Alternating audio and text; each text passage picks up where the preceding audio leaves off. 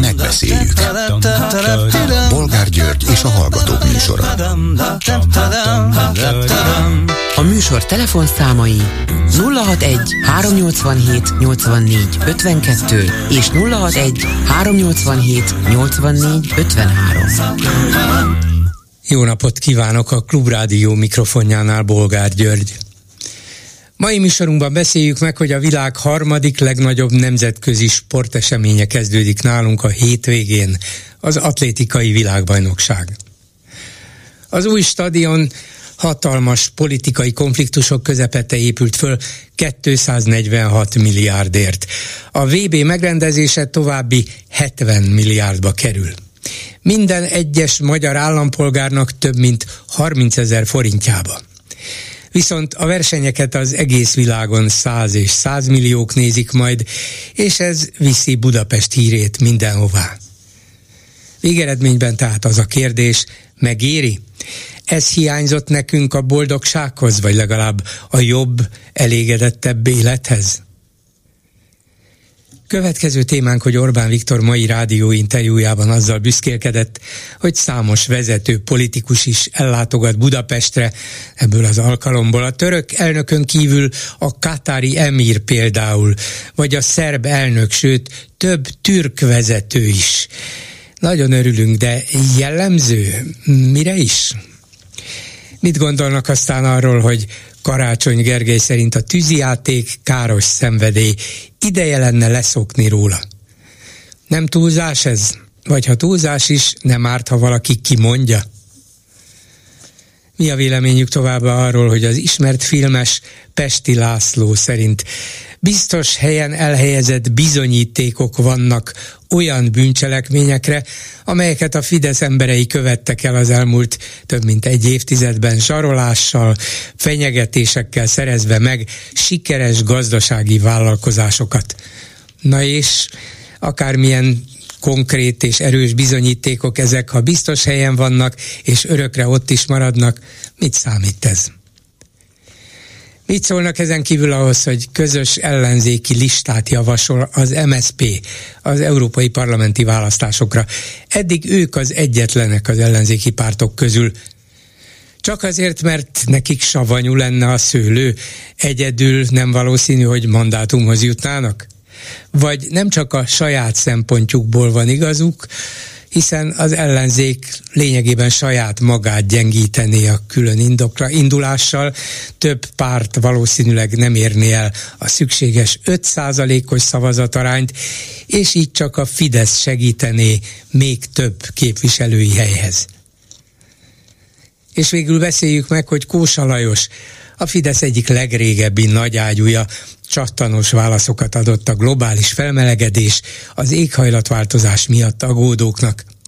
Tiltsuk be az összes szénsavas italt, beleértve a sörgyártást is, kérdezte. Ez, a, ez a, iparág sok vizet, vizet fogyaszt, és nagyon nagy a széndiokszid kibocsátása. Gondoljuk meg, hogy ez mind veszélyes a klímára, mondta, de hát megisszuk a kólát, és azonnal kiböfögjük a széndiokszidot. Vagy szüntessük meg a kérődző állatok tartását, helyettük pedig együnk sáskát. Jó étvágyat Brüsszelben a sáskákhoz tette hozzá Kósa.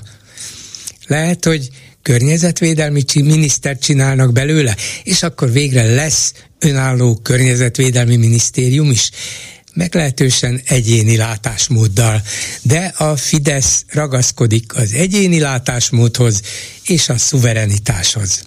Telefonszámaink még egyszer 387 84 52 és 387 84 53. Háló, jó napot kívánok!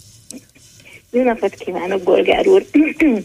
Sajnos nem sikerült aznap önnel beszélnem, mert nem voltam telefon, vagy olyan helyzetben, hogy tudjak önnel telefonálni.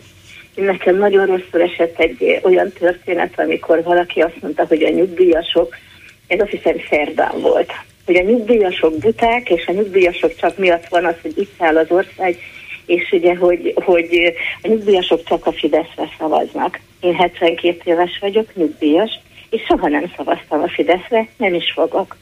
Én elhiszem, hogy nagyon sok nyugdíjas meg tudnak venni, de hozzátartozik az is, hogy nagyon sok nyugdíjas csak azt az egy rádiót tudja hallgatni, ami a kosút, vagy azt az egy tévét tudja fogni, ami a média, és ami az el, a, a regnáló kormányt érteti.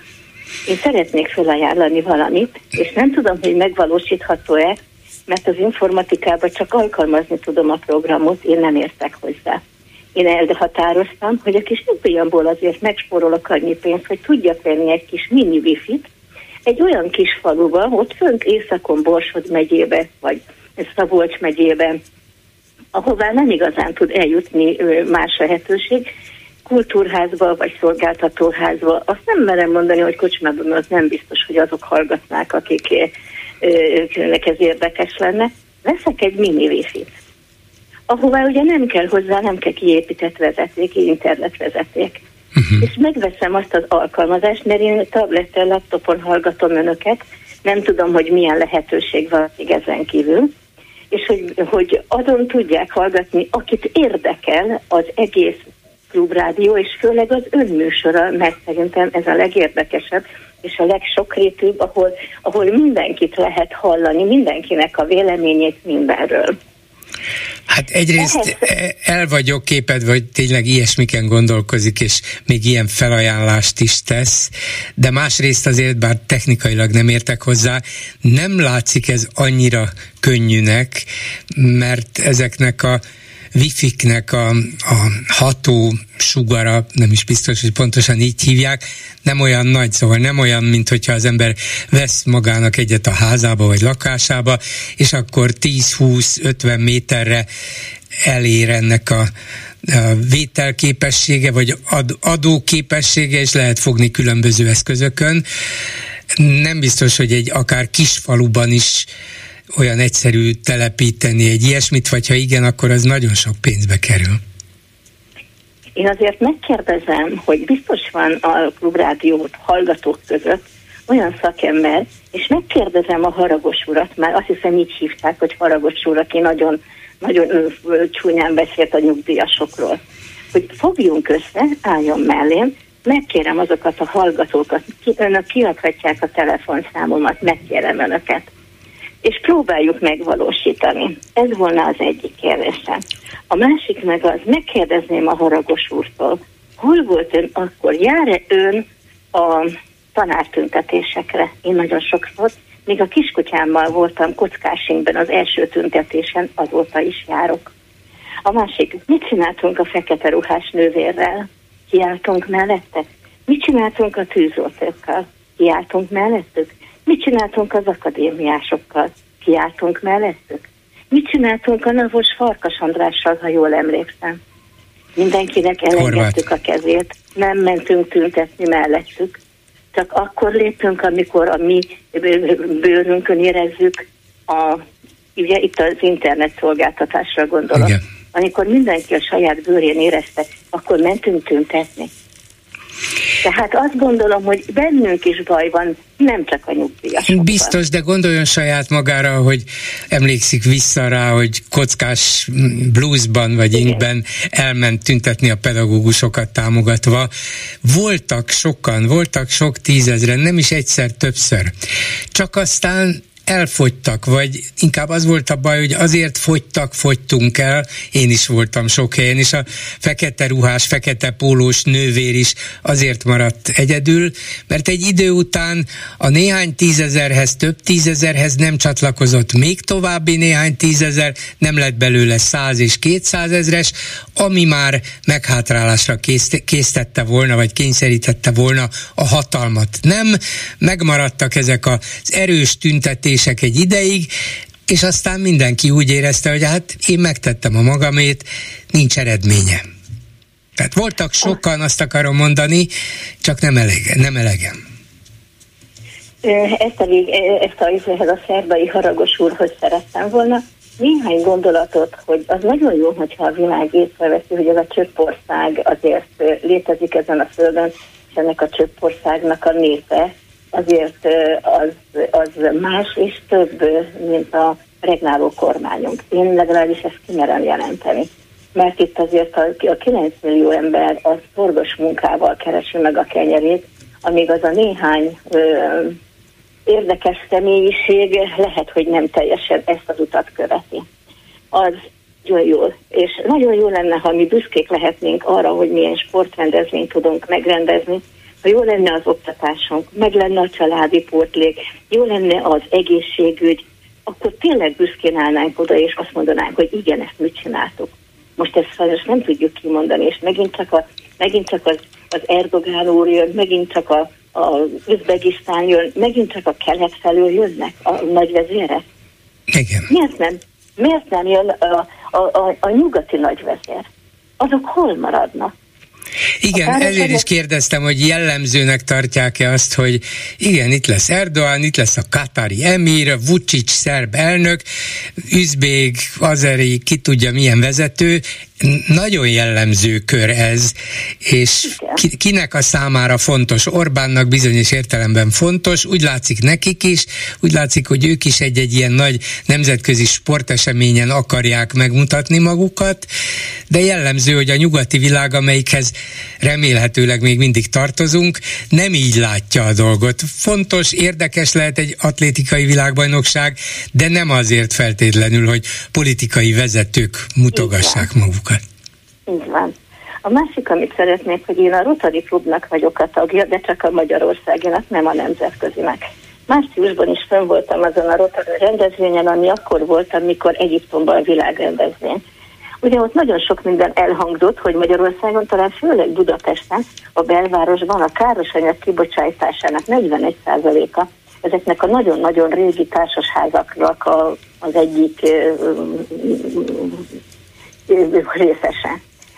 A másik azért én szeretném megkérdezni, nem értek hozzá, csak így mikor gondolkodom, akkor ezek a hatalmas vulkánok, azok nem részesei ennek a károsanyag kibocsátásnak? Nem ott kezdett volna el igazából nagyon figyelni, amikor az ős esőerdőket kiírtották. Nem azokat kellene visszatelepíteni, hogy visszabillenjen az egyensúly? Én megmondom őszintén, én nagyon odafigyelek, mert ha csak lehet kerékpárral, kisvárosban élek Szegeden, vagyis ingázom a két főváros között, Budapest és Szeged között, vonattal megyek, nem autóval. Kerékpárral járok Szegeden, és Szegeden fantasztikusan jó a közlekedés, a tömegközlekedés. 72 évesen van olyan napom, amikor 12 ezer lépést teszek meg. Én úgy gondolom, hogy ezt minden nyugdíjas megtehetni, akinek nincs komoly betegsége. Nagyon, nagyon szép öntől, ezt gratulálok is hozzá. És igen, persze, ha magunk kis um, lépéseivel, akár 12 ezerrel hozzá tudunk járulni ahhoz, hogy a Föld élhetőbb maradjon, vagy legyen, akkor meg kell tennünk. A vulkánokat valószínűleg nem tudjuk elfolytani, azok vannak. Értem, de azok nem járulnak hozzá. De biztos, biztos, biztos. Jó, a, a, az első erdőket, azok kiirtását meg lehet próbálni akadályozni, és vannak is erre törekvések, de a vulkánokkal egyelőre nem tud az emberiség mit kezdeni, de biztos, hogy az is árt, igen.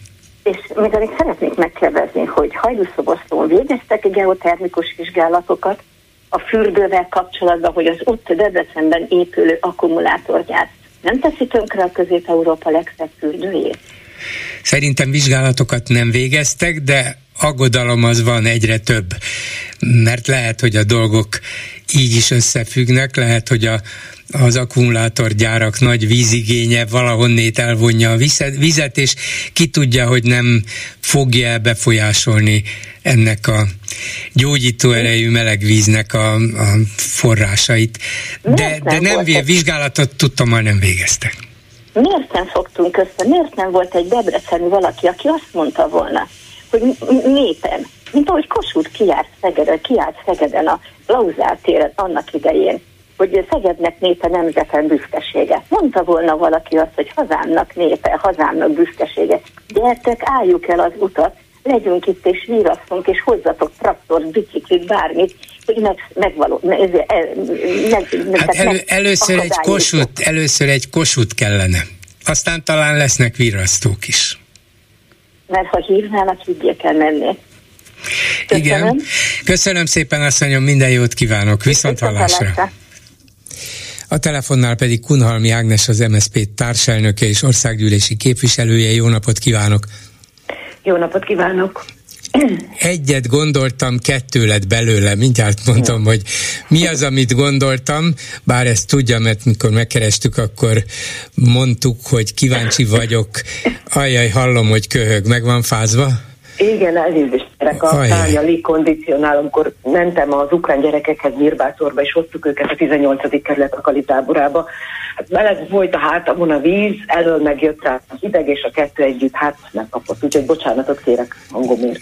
Igen, hát bocsánatot természetesen kap tőlem, de ettől, ettől nem fogja jobban érezni magát, úgyhogy gyógyuljon gyorsan. Szóval arra gondoltam, hogy megkér, vagy arról gondoltam, hogy megkérdezem, amit Palotás János, az ismert egykori nagyvállalkozó, jogász, közéleti személyiség tett itt a Klubrádióban, egy olyan javaslat talált elő, hogy Szerinte az ellenzéki pártoknak egy közös panaszsal kellene fordulniuk az Európai Bizottsághoz, amely szerint az európai parlamenti választásokon a magyarországi választást ugyanolyan feltételek mellett rendezik meg, mint például a legutóbbit, a 2022-est, már pedig az Európai Biztonsági és Együttműködési Szervezet választásokat figyelő csoportja a jelentésében megállapította, hogy számos olyan tényező volt, ami a tisztességes, fair választásokat legalábbis kétségbe vonja. Ilyen a hatalmas média túlsúly, hogy állami médiában minimális, szinte nem létező szerepet és megjelenési lehetőséget kaptak az ellenzéki politikusok, nem voltak viták, vagy hogy állami pénzből kampányolt az uralkodó párt, és ezek le, megnehezítik az ellenzék esélyeit. Erre fel kéne hívni szerinte az Európai Bizottság és az Európai Parlament figyelmét, hát ha a szegési eljárást indíthat a magyar kormány ellen. Megkérdeztem például Tóth Zoltán választási szakértőt is, aki a szegési eljárással kapcsolatban némileg szkeptikus volt, de azt mondta, hogy megpróbálni meg kellene, fölhívni rá a figyelmet. Igaz, hogy az Unió tudja, de nem árt, ha az ellenzék mégis rögzíti, hogy milyen körülmények között lesz megtartva ez a választás. Hát eddig ellenzéki párt politikusa nem nyilatkozott meg az ügyben, úgyhogy kíváncsi vagyok az ön véleményére. Na, hát ö, odáig, hogy azt mondta Palotás úr, megnéztem én is ezt a videóját és javaslatát, hogy közös, hogy az ellenzék közösen csináljon valamit, már itt elbukik az egész. Ugyanis a közelgő európai parlamenti választáson közösen nem kíván csinálni sem a DK, sem a Momentum, sem más párt, leszámítva az MSZP-t, akik nekünk megvannak az érveink, hogy ebből nagyon nagy bukta lesz, és Orbán újabb kétharmadot fog szerezni, amelynek nem csak 26-ra lesz nagyon csúnya következménye, de magyarok tovább erősítik az európai szélsőjobb erősödését. Tehát szegény palotásnak miközben abban igaza van, hogy közös ellenzék, a közben nem látja, hogy nincs közös ellenzék. Tehát pártok vannak az ellenzéki oldalon, saját érdekekkel, saját érdekrendszerekkel, saját párt érdekekkel, de közös érdek, ez nem tud lenni. A második mondatom, hogy Tóth Zoltánnak igaza van, hogy az EU ezt tudja. Az EU teljesen tisztában van azzal, hogy Magyarországon milyen rendszer épült ki, a maga jelenlegi eszközeivel harcol is ellene, de abban is igaza van az Európai Uniónak, és az Európai Unió párcsaládjainak, engem állandóan a szocialisták, most voltam Bernben, vagy Berlinben, Linzben, a Madridban, olyan ö, so, több helyen, és nem csak szocialista európai parlamenti képviselőkkel sikerült beszélni, hanem liberálisokkal és zöldekkel is, akik állandóan azt teszik fel nekem kérdésként, hogy erkölcsileg mi támogatunk benneteket, de ugye mindent megtesztek annak érdekében, és ugye összefogtok azért, hogy kevesebb európai parlamenti képviselőt tudjon kiküldeni a Fidesz, és ne többet. Mert hogy Orbánik bejelentették, hogy ők a konzervatívok és reformerek párcsaládjához szeretne tartozni. Bejelentették, hogy ők saját képükre akarják Kaczynszkijékkal, Melóniékkal, Löpenékkel és a többiekkel formálni az EU-t. Orbán bejelentette, hogy ő az Európai Unióban egyrészt egy, az Európai Unió kezdetleges laza nemzetállami szövetséget, tehát nem szeretne mélyebb integrációt, de maradjon az EU, és majd ő a kelet és a nyugat között közvetíteni fog. Nem véletlen, hogy ide jönnek azok a keleti vezetők, Törökország, ugye, vagy a katari emír, Szerbia, de azért felhívnám a figyelmet, hogy a NATO legerősebb szövetségese jelenleg Törökország, a katari emír nyugatbarát, és ezt hangoztatja is, Szerbia meg mindent megtesz, vagy legalábbis nagyon erőteljesen hangoztatja, hogy szeretne az Európai Unió tagja lenni. Mi a közös a szélső jobboldali erőkben? Az, hogy ők teljesen más típusú Európai Uniót szeretnének, mint mi szociáldemokraták, vagy az európai liberálisok, vagy az európai zöldek. Tehát az európai parlamenti választások egyik legnagyobb tétje az véleményem szerint, hogy a magyar ellenzék mert a többiek, a nyugatbarát, akikre mi szeretünk hivatkozni, akikhez kötődünk, akikhez tartozni szeretnénk, és akik iránytűt mutatnak a magyar ellenzéki pártoknak, ők egyértelműen azt mondják, hogy segítsetek abban, hogy kevesebb EP képviselője legyen Orbánnak, ez pedig minden matematikai és közvéleménykutatási, de választási magatartás szempontjából is, főleg amikor együtt lesz az EP és az önkormányzati választás, csak egy széles összefogással lehetséges, és igenis egyezzenek meg a pártok abban, hogy bánom is én a listavezető, de Orbánnak csökkenteni kell az Európai Na, ez, Ezért gondoltam, ezért kezdtem úgy a beszélgetésünket, hogy eredetileg egyet gondoltam, és ez a palotás javaslat, hogy erre mi a reakciója, de kettő lesz belőle, mert közben láttam, hogy az a másik MSZP-s társelnök Komjáti Imre a Szeged televízióban előállt ezzel, amit most ön is elmondott, hogy az európai parlamenti választásokon az ellenzéknek közös listát kellene állítania, mert így tudna a leghatékonyabban szembeszállni a Fidesz-szel. Ezek szerint az MSZP-n belül ez már egy komoly elhatározás, akár elnökségi döntés, nem tudom, hogy hol áll a dolog, vagy milyen folyamaton kell átesnie, de ha egyszerre két társelnök két különböző helyen ezt mondja, akkor gondolom, hogy önök erre a döntésre jutottak. Hát mi így is kértük a mandátumunkat. Tehát, hogy a, mindig is azt mondtuk Imrével közösen, Komjász Imrével, és természetesen ö, ö, voltak viták a párton belül, de egyértelmű az, és mindenki látja, hogy, hogy vagy, tehát az MSZP neki fut, hogyha a többi párt, a DK ebben nem partner, vagy a Momentum nem partner, vagy a mások nem partnerek, mi meg fogjuk csinálni azt az egy vagy két mandátumunkat. Erőnk, szervezettségünk, pénzünk van rá, meg fogjuk csinálni. Nyilvánvalóan minden párt. Csak az a baj, hogy ezek a veszekedések, akkor, amikor én egy kampányolok egy DK-s polgármesternek, vagy egy szocialista polgármesternek, mindenki más meg azt mondja, hogy jó, ott szavaz rá, de egyébként az önkormányzat szín, de egyébként meg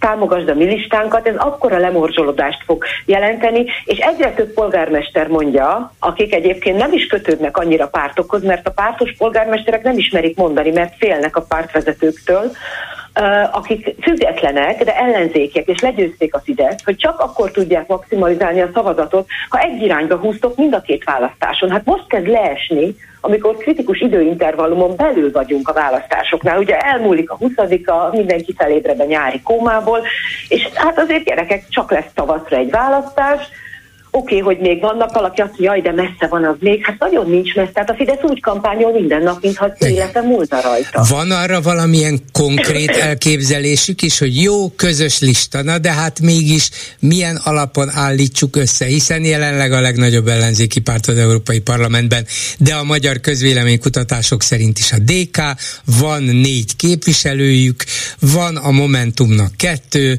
van a Jobbiknak egy, van egy volt szocialista most párt nélküli, és ezzel kész.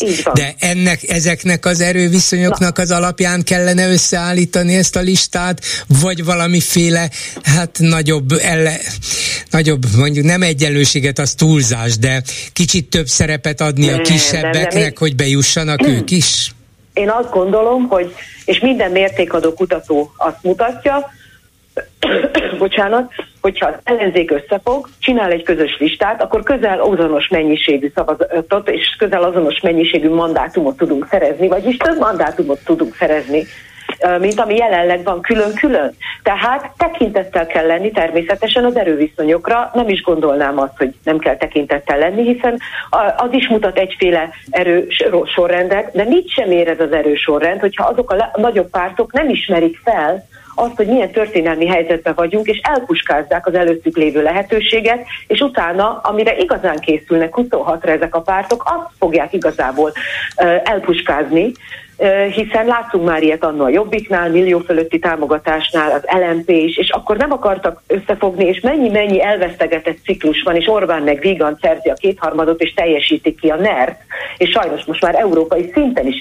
hasonlóvá akarja tenni az Uniót a társaival együtt, mint a, mint a magyar NER. És ezt el is mondják, és sajnos elég sok szövetségese van. Tehát igenis figyelni kell egymásra. Én azt gondolom, hogy politikai elhatározás kérdése. Olyanok is mandátumot tudnának jutni, akiknek esetleg nincs, és itt nem magunkra gondolok, hanem kisebb pártokra gondolok, mert nekünk volt, és ennek teljesen más oka van. Tehát mi megverekedtük az MSZP, megverekedte, az MSZP most is meg fogja verekedni, hogyha nincs közös lista, velünk számolni kell 26-ban is, de pont azért, ha tanulhatunk az elmúlt vereségekből, és főleg 22-ből, két projekt, tehát két nagy országgyűlési választás között is szóba kellene állnia egymással az ellenzéki pártoknak, és bizony akkor összességében a legnagyobbtól a legkisebb pártig mindannyian többet nyernénk, tehát mindent meg kell tennünk annak érdekében, hogy a szélső jobboldali erőket Európában visszaszorítsuk, csökkentsük a Fidesznek az európai parlamenti helyeinek a számát, és ami a legfontosabb, hogy ezáltal sikeresebben készüljünk fel 26-ra. Igen, de azon kívül, hogy most egyszerre ketten is előálltak ezzel a javaslattal, nyilván um, van itt egy bizonyos előre tervezés. Az a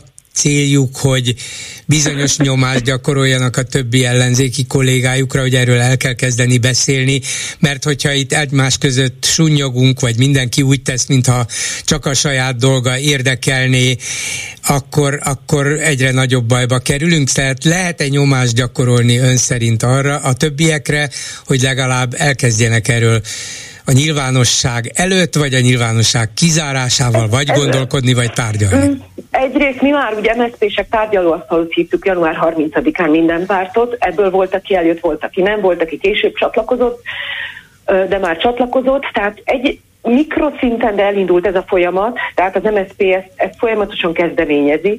Ugyanakkor én csak, és az MSZP is csak azt mondja, amit a, a szavazóknak a többsége mond. Tehát a párt szavazók, a többi pártnál a szava, szavazók is, és erre tekintettek ellen. Én nem nyomást akarok gyakorolni. Én egész életemben mindig megkerestem azt a legjobb megoldást, és az MSZP is. Pontosan azért, mert nagy tapasztalattal rendelkezünk, és teljesen más történelmi szituációban vagyunk, mintha demokráciában lennénk. Ma nem egyenlőek a feltételek. A reál politikusként kell tekinteni Orbán politikájára, a kelet és a nyugathoz való viszonyára. Látni kell azt, hogy a nyugat hol és mikor használja fel Orbán. Látni kell, hogy a kelet és a nyugat között hogyan akar Orbán közvetítő szerepet kisajtolni saját magának. Látni kell, hogy várja, hogy ebbe a háborúba ki fog győzni. És azt is látnunk kell, hogy az ellenzéknek egy kiteljesedő nerben milyen lehetőségei vannak.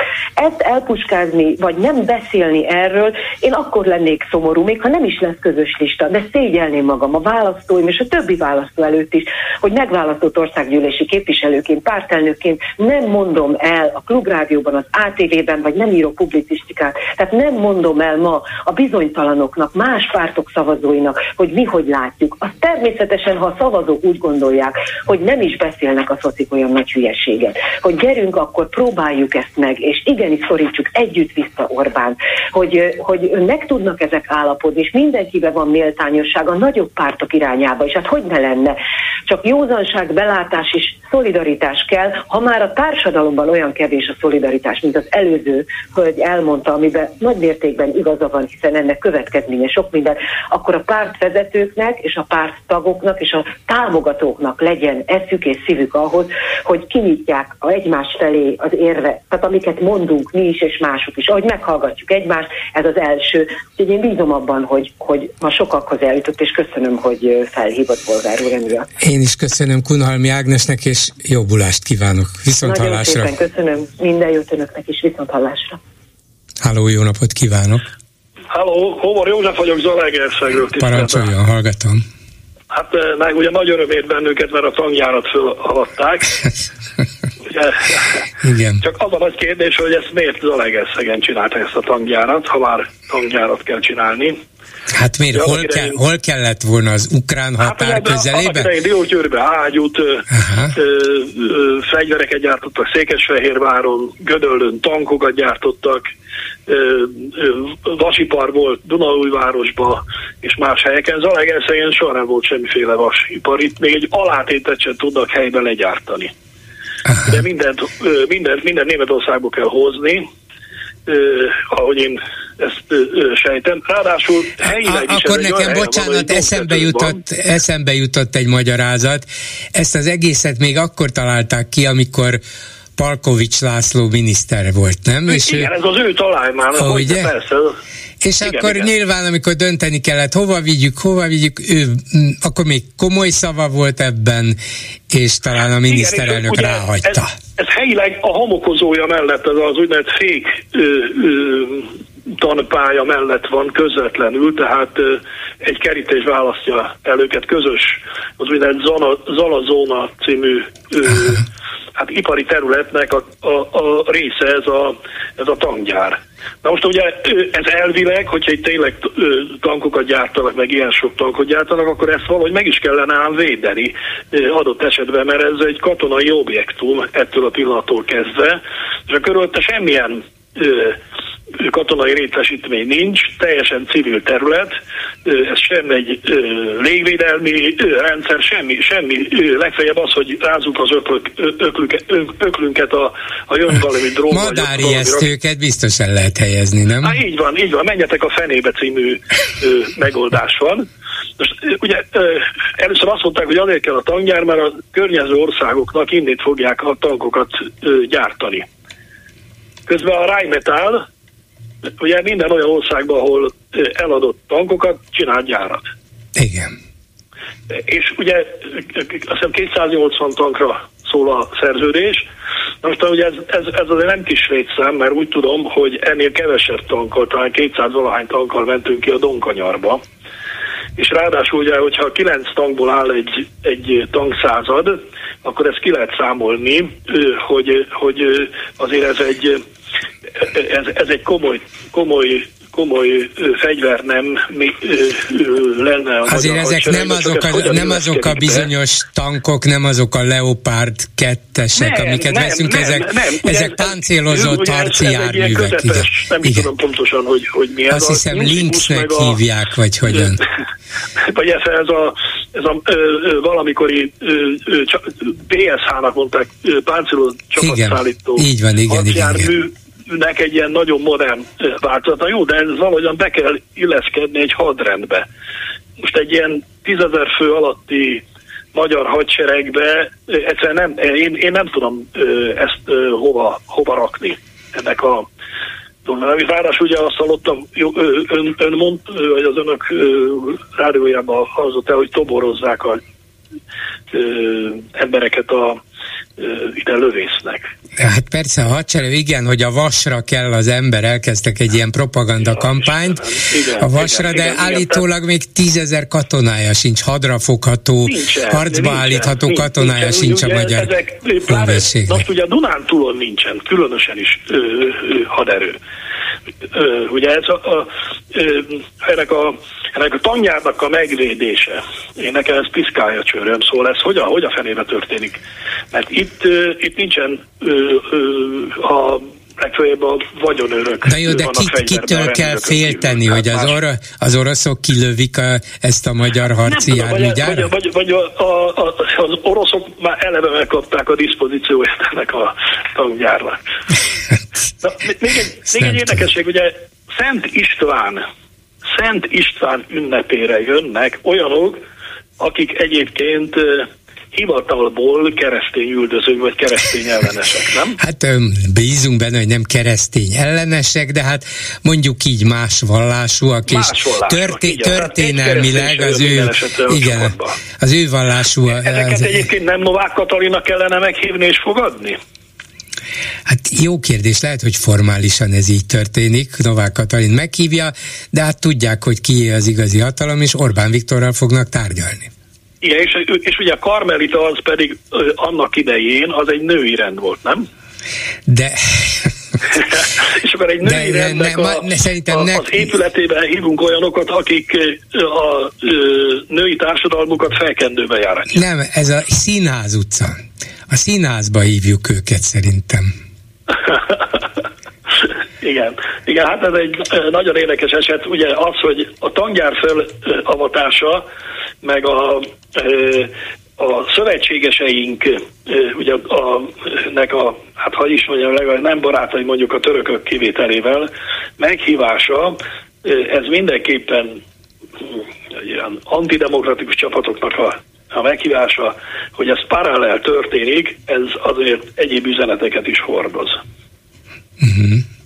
Hát sokféle üzenete van ennek az egésznek valóban, de tényleg furcsa volt az a meghívott is sor, vagy idei, el biztos meg kellett, hogy hívják őket, amit Orbán említett reggel, hogy kik jönnek majd ide, mint egy az atlétikai világbajnokság ürügyén, és hogy milyen, milyen örömmel beszélt arról, hogy milyen fantasztikus dolog ez, hogy egy ilyen esemény erre is alkalmat teremt, hogy a türk barátainkkal, a török, a, az arab, a, a szerb, szóval az ember azt gondolná, hogy talán a szövetségeseink közül, vagy a nyugat-európaiak közül, ha valakit érdekel, idejön, de minthogyha, minthogyha erről nem volna szó.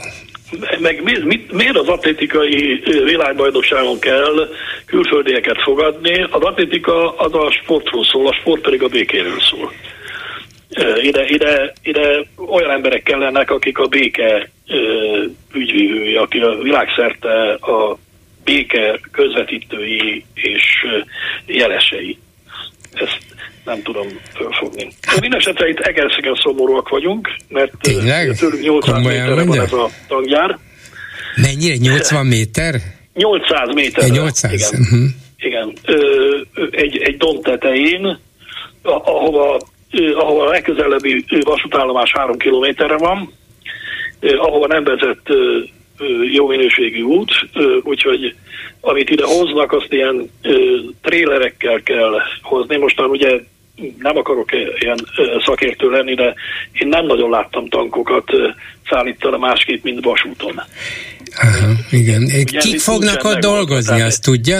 Ez, Tessék? Kik fognak ott dolgozni, azt tudni lehet ma? Hát ugye nagyon érdekes dolog. Az építők azok többnyire ukránok voltak, azt, azt első kézből tudom. Itt egyik városi nagyembernek a, a, a apukája volt az egyik fő szállásadó, tehát ez, ez, ez túlnyomó részt ilyen emberekkel építették. Az, hogy a foglalkoztatottak kik, nem nagyon tudok uh-huh. erről. Ide képzés kellene. Hát itt a tűrés határ egy tank építésénél ez, ez ezrelékbe megy, tehát itt, itt nagyon pontos technikának kellene lennie, az összerakáshoz is. Csak azt nem tudom, hogy miért veszük meg a, a, a, a, a Lego Legót, aminek minden, minden egyes darabját kint gyártják, és miért itt kell összerakni. Szóval ez, ez, ez számomra... Hát, aki a Legót össze tudja rakni, az sok, sokat tanul. Az a gyerek, aki Legókat rak össze, nagyon, van. nagyon így sokat van. tanul, hát lehet, hogy nekünk is itt kell elkezdenünk, aztán majd mi fogjuk majd, megtervezni. Majd valami, csak nem tudom, hogy, hogy egy, egy tankgyár, ami fémből van, Zalaegerszelyen, ahol élelmiszeripari hagyományok voltak, hogy lesz ebből valami, valami, valami, valami jövő. Ez, ez a rejtély. Mert nem Nagyon... bízik eléggé Orbán Viktorban, ez a baj. nem, igen. Nagyon szépen köszönöm, köszönöm én is, viszont hallásra. viszont hallásra. A vonalban pedig Lukács László, a, a Jobbik parlamenti frakció vezetője. Jó napot kívánok! Jó napot kívánok, üdvözlöm a hallgatókat!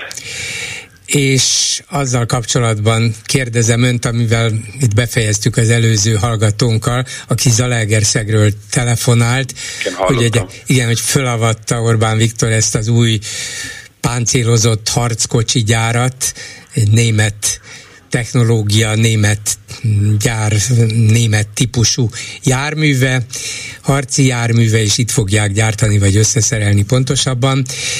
És Önök pedig az elmúlt napokban, hetekben elkezdtek egy kampányt, még Zalaegerszegről is szó van szó szerint, meg másutt is, hogy elindult egy lakosságcsere Magyarországon, vendégmunkásokkal helyettesítik a magyar munkásokat, vendégmunkásokat hoznak be, akkumulátorgyárak és mármint hogy a munkaerőnek, akkumulátorgyárakbe, meg máshova, ahol ezeket a gyárakat építik, de adott esetben akár a Rheinmetallnak ebbe a Zalaegerszegi gyárába is, lehet, hogy külföldről kell verbúválni a vendégmunkásokat. Igen, látjuk, hogy ez a folyamat zajlik, azt is látjuk, hogy sokan aggódnak emiatt, de, de valóban ezt a lakosságcsere terminológiával kell, vagy lehet a legjobban leírni, ahogy önök teszik? Uh-huh.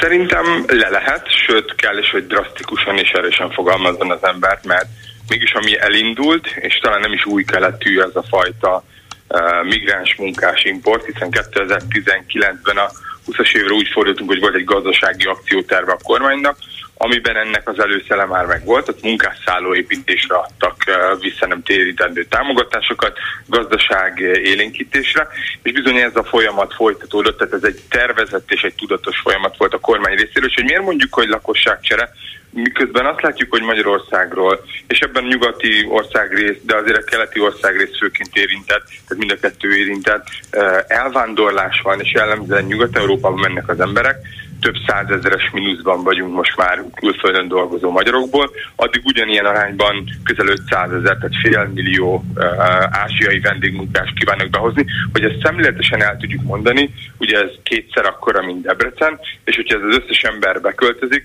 akkor viszonylag nagy arányban és nagy számban lesznek, a most már 9 millió 800 ezer, vagy talán már annyi sem e, magyar állampolgár között ezek az idegen ajkú emberek. És hogyha valaki azt mondja, hogy jó de hát ezek vendégmunkások csak egy kis rövid időre érkeznek, azért hozzáteszem Németországban ezt már átélték, ott is rövid időre volt idő munkavállalás törökök, illetve más keleti vendégmunkások előtt. Most pedig ott tartunk, hogy például a törököknek van saját fotballcsapatuk a berlini másodosztályban talán, tehát nagyon nagy arányban változott meg a népesség, és ugye minden érve, amit mondtak, hogy ez csak egy időleges népesség csere vagy letelepedés, és hogy ennek nincs hatása sem a lakosságra, sem a kultúránkra, szerintük az nem állja meg a helyét. Mi féltjük a hazánkat ettől, és mi ezért is szólaltunk fel, és hogy ez egy hosszabb távú folyamat, tehát fontos, hogy az elején mindenki lássa, hogy ez mekkora probléma, és mit szabadítunk Magyarországra. Uh-huh. Azért még mindig maradnék ennél az önök által használt fogalomnál, mert a lakosságcsere kifejezést azt az európai meg az amerikai szélső jobb oldal kezdte használni az elmúlt években, és a jobbik konzervatívok, hiszen a pártjuk nevét is megváltoztatták, egy mérsékeltebb irányba akar menni, még az Európai Néppártba is szeretne bekerülni. Nem biztos, hogy, hogy jó az, vagy jól cseng az például az Európai Néppártban, hogy a jobbik konzervatívok ezzel kezdik el figyelmeztetni a magyar lakosságot, hogy ez a folyamat, aminek tényleg számos kifogásolni valója van, vagy problémája problémája van. Szóval ez a folyamat így írható le a legpontosabban. Még azt is érteni vélem, hogy ön Lukács László György, aki nem tartozott soha a jobbik igazán szélsőséges, vagy sokszor um, hát legalábbis fejcsóváltást kiváltó jobbikos politikusokhoz a nézeteivel, um, használja ezt, mert talán fel akarja hívni a figyelmet arra, hogy éppen a Fidesz, amelyik éveken keresztül riogatta a magyarokat, és most is riogatja a migránsokkal, hogy idegenek jönnek be, ők csinálják ezt, az ő vezényletükkel zajlik, tehát tulajdonképpen rájuk kellene ezt visszafordítani, hogy lám, ti csináljátok ezt, és akkor a legerősebb kifejezést használják, de mégis nem vezetik ezzel félre a magyar társadalmat, hogy ez lakosság csere lesz. Nem, ez álláspontunk szerint, és ez komolyan is gondoljuk, ez egy lakosságcsere, és őszinte leszek önnel, engem nem érdekel, hogy az Európai Néppártban mit gondolnak erről. Nekünk a magyar választópolgárokkal, Magyarországgal kell valamit tennünk, az emberek erre hatalmaztak föl minket. Ez nem azt jelenti, hogy nekünk rosszban kell lenni, vagy a Fidesznek az útját kell követni, aki szükségtelen konfliktusokat, sőt inkább csak balhét generál maga körül az európai politikában, de vannak olyan elemek, amelyekből nem lehet engedni Magyarországnak a népességének az összetétele, a bevándorlás szerintünk egy olyan tagállami hatáskör, amelyben valami kevés beleszólása van. Egyrészt az európai közösségnek, ezáltal az európai párcsaládoknak, és abban igaza van, hogy az embereknek a figyelmét viszont fel kell hívni ezekre a folyamatokra, amit a kormány egyébként kiírt óriás plakátokra, és mindannyian emlékszünk, és minden nem tudom, elemünkben benne van az a fajta riogatás. És ennek politikai kárvalotja is volt az ellenzék valamennyi pártja és az ellenzéki szavazóknak a közössége, de azért mégiscsak lesz egy réteg, egy két három milliós réteg, akit viszont emlékeztetni kell, hogy őket becsapta a kormány. Ugyanis azt ígérte nekik, hogy az országot meg fogja védeni, nem csak attól, hogy illegális migránsok mondjuk végmasírozva Dél-Európán, és menekülve egyébként a a balkáni útvonalon, nem jöhetnek be Magyarországra, de az sem, és azt, az alatt is értettük, hogy nem jöhetnek Magyarországra, hogy más módon szervezetten sem jöhetnek. Na most azt látjuk, hogy a kormány ezt szervezi, sőt könnyítő feltételeket tesz bele, hiszen a napokban látott egy módosítás napvilágot, miszerint még gyorsabb eljárás érdekében módosítanak, ahogy tetszik, kapacitás növelnek az idegenrendészeti hatóságnál, hogy még könnyebben be lehessen hozni idegen vendégmunkásokat, és azt is látjuk, hogy az emögött rejlő cégek, akik egyébként pofátlanul úgy hirdetik ezeket a keleti munkásokat, hogy sokkal kitartóbbak, meg sokkal alázatosabbak, úgy tetszik szolgalelkűbbek, mint a magyar dolgozók. Szerintem ez is egyébként egy bicskanyitogató kitétel, hogy Magyarországon vannak olyan cégek, akik a magyar munkaerőt becsmérlik azért, hogy helyékre behozhassanak másokat. Szóval azt is kell látni, hogy ezek kormányközeli cégek, akik szervezik, nem kell messzire menni, a mai napon igazán furcsák nyilatkozó Kósa Lajos legjobb barátja, akinek a Recski bányája most már másodjára omlott le, illetve csúszott le, szintén érdekelt ebben a munkaerő behozatalban, tehát nagyon-nagyon messzire nyúlik, és nagyon-nagyon álságos, amit a kormány csinál, és igen, visszakanyodva erre is fel kell hívni a figyelmet, mert az emberek jó része nem veszi észre, hogy a kormány becsapta őket, és szöges ellentétben áll a saját kommunikációjával, amiről úgy gondoltuk, hogy legalább van valós része. Most úgy tűnik, hogy, hogy nincs benne valóság, és az csak egy kommunikációs lőzünk volt, és van az a pénz, amiért ők betelepítenek migránsokat. Nézze, az, hogy ez egy téves gazdaságpolitika, és most látványosan mutatkozhat meg a magyar társadalom legkülönbözőbb rétegei számára, hogy milyen gazdaságpolitika az, amelyikhez Fülöp-szigetekről, Indonéziából, Indiából, Vietnámból, Kínából kell 10 és 10 ezer számra, és aztán lehet, hogy pillanatokon belül 100 ezer számra hozni munkaerőt, és csak nekem még mindig egy kicsit birizgálja a tudatomat, meg az érzelmeimet ez a lakosságcsere kifejezés, mert azért ez nem valószínű, hogy ezek az emberek itt maradnának Magyarországon. Ha már Európában vannak, és módjuk van rá, akkor lehet, hogy inkább tovább állnak, és elmennek máshova dolgozni. Miért éppen itt maradnának?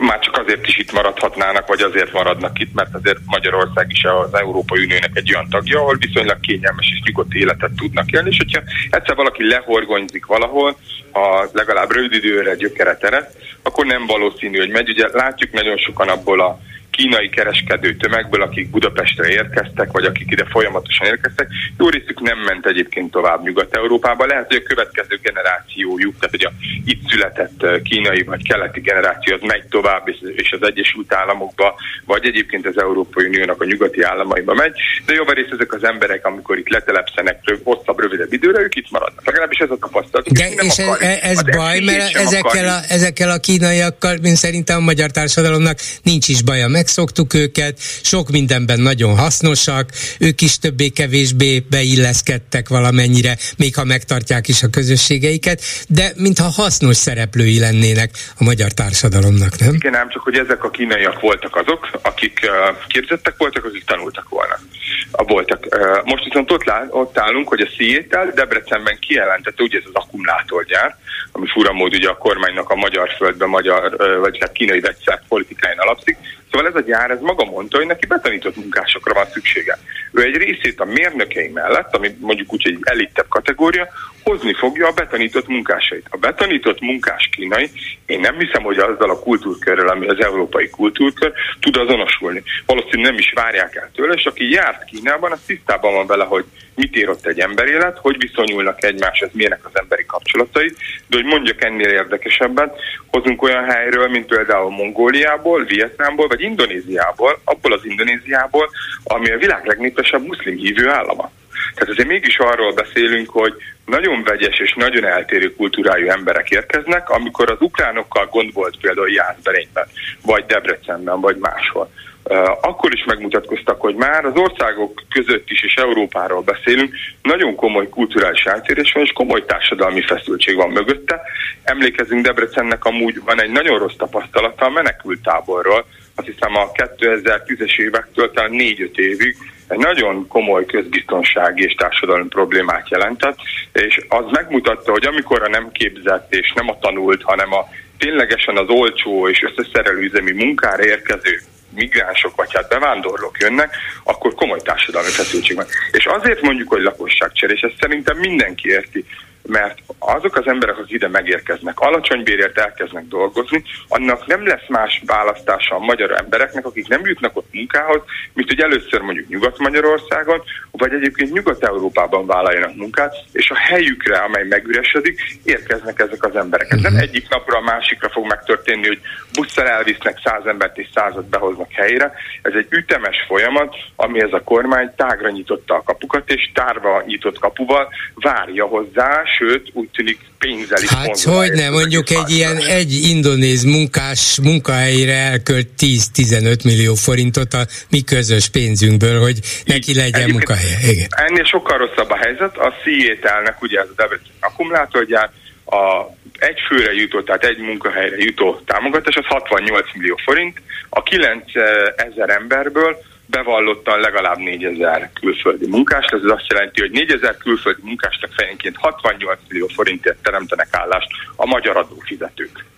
Jó, akkor végeredményben csak azt kérdezem, hogy attól nem tartanak-e, hogy bár lehet, hogy valóban hatásosan föl tudják hívni a figyelmet a magyar választók előtt arra, hogy itt ezzel a lakosság cserével nektek tesznek rosszat emberek, és titeket kényszerítenek arra, hogy ha akarjátok, ha nem, azért inkább hagyjátok el az országot, mert jobb lesz a megélhetésetek Ausztriában vagy Németországban, de eközben azért az itt maradó körében erősödni fog az idegen ellenesség, és nőni fognak a konfliktusok, ideérkező külföldiek, vendégmunkások és magyarok között nincs meg ez a veszély?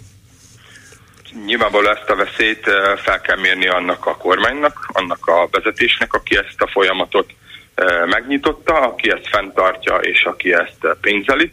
Mi csak azt tudjuk tenni, hogy az embereknek józan hangon megpróbáljuk elmondani, hogy ez miért veszélyes, és egyébként megértem, hogy sokan emiatt dühösek lesznek, vagy hogy őket valamilyen sérelem vagy kár éri, akkor hát még a szükségesnél is dühösebbek lesznek. Nyilvánvalóan egy pártnak van felelőssége abban, hogy ezt próbálja csitítani és jó megoldást találjon rá. Amennyiben ilyen van ránk számíthatnak, hozzáteszem a jobbik konzervatívok, nem csak a nevében konzervatívok, hanem a törvényes rendpártján állunk, tehát azért az világos, hogy a jogszabályokat függetlenül attól, hogy valakinek eh, méltányolható felindulása van, akkor is be kell tartani. Mi ezzel, ebben következetesek leszünk, de most szeretnénk ezt az egészet csirájában megszüntetni, mert nem vezet jóra. Álláspontunk szerint ez a fajta lakosságcsere, az a vendégmunkás import, ami zajlik, ez veszélyes, és Magyarországnak erre most figyelnie kell, mert ez szerintünk az egyik legfontosabb változás, ami az elkövetkező 5-10 évben érinteni fogja az embereket. Köszönöm szépen Lukács László Györgynek, a Jobbik konzervatívok parlamenti frakció vezetőjének. Viszont hallásra! Köszönöm szépen! A hírek után is lesz mit megbeszélni. A hétvégén elkezdődik a világ harmadik legnagyobb nemzetközi sporteseményen állunk, a atlétikai világbajnokság. Az új stadiont 246 milliárdért építették föl, a VB megrendezése további 70 milliárdba kerül, ez összesen mintegy 315 milliárd forint, szóval minden egyes magyar állampolgárnak több mint 30 ezer forintjában lesz ez a világesemény. Hát az a kérdés, hogy megérje elége a büszkeség, amit esetleg okoz, elége az, hogy Budapestnek elviszi valószínűleg a jó hírét, a sok-sok televíziós közvetítés, meg a sok sportoló, meg esetleg külföldről érkező néző, ez hiányzik-e nekünk a boldogsághoz, vagy legalább a jobb és elégedettebb élethez, vagy elvileg nincs ezzel semmi baj, de gyakorlatilag nem most kellett volna, és nem ennyi pénzért.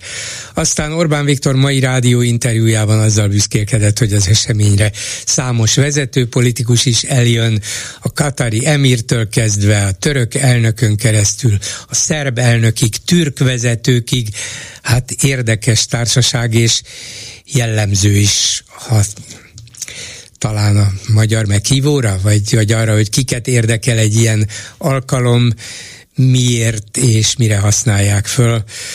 Aztán Karácsony Gergely szerint a tűzijáték káros szenvedély, ideje lenne leszokni róla.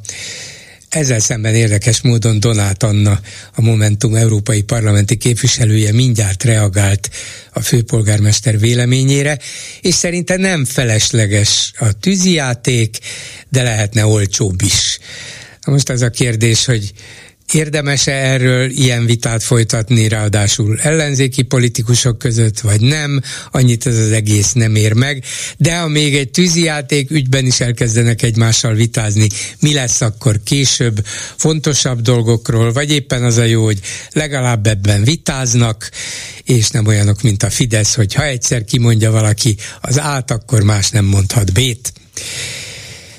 Az ismert filmes Pesti László szerint biztos helyen elhelyezett bizonyítékok vannak arra, hogy Fidesz közeli emberek, az úgynevezett Fidesz klán tisztességes vállalkozók rovására törvénytelen eszközökkel tett szert óriási vagyonra, ezek a bizonyítékok külföldi szervereken elérhetők, akár egy gomnyomással előhívhatók, Hát ha előhívhatók, miért nem hívja elő valaki? Mi az, hogy megvannak a bizonyítékok, és így mire jók? Közös ellenzéki listát javasol az MSZP az európai parlamenti választásokra, ezt mondta el Kunhalmi Ágnes egy órával ezelőtt itt, és eddig más ellenzéki párt nem mondott ilyet, nem is reagált rá. Egyelőre ott tartunk, hogy mindenki külön akar indulni. Ezt mondjuk a nagyobb pártok esetében még saját szempontból meg is értem, a kisebbeknél már kevésbé, de összességében mit hoz, vagy mit visz ez az ellenzéki pártoknak és tól és végül Kósa Lajos a Fidesz egyik legrégebbi nagyágyúja érdekes fejtegetésekbe bocsátkozott a klímaváltozással kapcsolatban, hogy például be kellene tiltani az üdítőitalgyártást vagy sörgyártást, mert sok széndiokszidot termel és hatalmas ivóvízkészleteket használnak föl, vagy sáskákat kellene ennünk, egyenek Brüsszelben sáskát, és minket hagyjanak békén. Lehet, hogy belül lesz a Fidesz következő környezetvédelmi miniszter, és akkor az ő kedvéért létre lehet hozni a minisztériumot is. 387 84 52 és 387 84 53 a számunk. Háló, jó napot kívánok! Tiszteletem! Parancsoljon, hallgatom! Péter vagyok egy Pest megyei kis faluból, és az előző hozzászólás hozzászólóhoz szeretnék hozzászólni ezzel a, hogy jönnek ide dolgozni a külföldiek. És az a lényeg, annyit tapasztaltam, hogy a lányomnak van egy barátnője, az egy vietnámi étteremben dolgozik délután négytől reggel ötig. Hát tehát Hú, hát, ugye például stb. Érti, mit mondok? Ez, ez rémes, nagyon rosszul hangzik. Hajnali Az a lényeg, hogy ott dolgozott öt vietnámi srác, tiszta angolul beszéltek, mind az öt lelépett, elmentek Németországba. És azt akarom ebből kifejezni, hogy ők Vietnámból nem hajóval jöttek ide, repülővel. Mert van az a munkaközvetítő cég, nem tudom ki, vagy hogy, az a lényeg, hogy mondjuk 200 ezer embert idehoznak, azok úgyis el fognak innen Magyarországról szédelegni, el fognak menni. Uh-huh. Mondom, ez az öt fiatal srác angol nyelvet beszélik, vercek, ők nem hajóval semmi, hogy csónak, meg lövöldöznek el, meg kerítésen másztak, tehát hivatalosan jöttek. Nem menekültek, hanem munkát vállaltak, igen, értem. Igen, na. Itt az a lényeg, hogy ők idejött munkát vállalni, és a Samsung gyárba jöttek dolgozni. Kettő napot dolgoztak Gödöllön, érzelje. És utána elmentek a vietnámi étterembe dolgozni, bejelentett őket a vietnámi, aki, mi az a mit vett meg a tulajdonos, hogy ide Magyarország ilyen, ez a amit 30 meg 100 ezer euróért árultak meg részvényeket. Ja, ez a, ez a letelepedési kötvény, amit megvet. Igen, igen. igen. Az a fickó az itt van, az hivatalosan itt van, csak alkalmazott vietnámiakat, hogy menjenek az üzlet. Igen. És az öt fiatal srác lelépett. Igen. Nem, Németországban kettő meg, nem, e, e, kettő Németországban, a kettő meg azt hiszem Franciával, egy meg Lengyelországban, és ezek ilyen lazán nem hajóval jöttek, uh-huh. nem lövöldöztek ránk, hivatalosan ide jöttek, dolgoztak a Samsungnál x napot, és kiléptek. Igen, hát Magyarországról végül is át lehet menni, persze, nyugodtan, bármelyik. Igen? Bármelyik országba el, el lehet menni, hogy aztán ott kapnak-e munkát, vagy, vagy ez szabályosan történik-e, vagy csak megpróbálnak úgy a felszín alatt félig legálisan elhelyezkedni, ezt nem tudom, de én is feltételezem, hogyha ide jönnek tíz és százezrek munkát vállalni, akkor egy részük innét tovább fog állni, mert megpró- megpróbálja azt, hogy nem lehet-e mégis mondjuk Németországban, és ha a németeknek szükségük lesz a munkaerőre, akkor lehet, hogy azt mondják, hogy hát jó nekem tulajdonképpen ez a magyar befogadó nyilatkozat is, végül is az is a Schengeni övezeten belül van, hát jöjjön ide a vietnámi, vagy az indonéz, vagy a Fülöp-szigeti, nálunk is van munka, ők meg többet keresnek.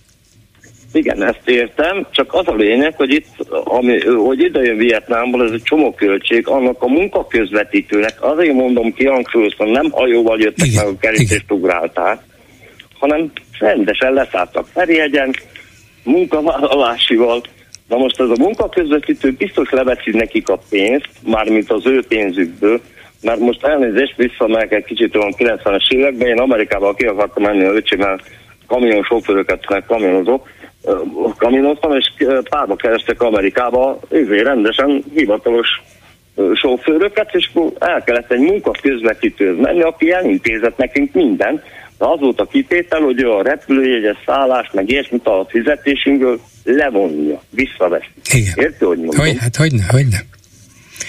Hogyne, nem tudom, hogy ezzel hogy számolnak el, hiszen itt már a Samsung nem fizet nekik munkabért, abból nem lehet levonni, és hogyha ezek felszívódnak valahol Németországban vagy Svédországban, akkor a magyar munkaközvetítő nem tudja azt a pénzt, ha csak előre nem. Se a kínai, se a, a mindegy, Vietnám, mindegy, hogy melyik a Uh-huh. Érti, olyan furcsa, hogy pont két nap, három napot be akartam telefon, és itt volt a, a lányomnak a barátja, és mondta, hogy ott dolgozik, őt rendesen.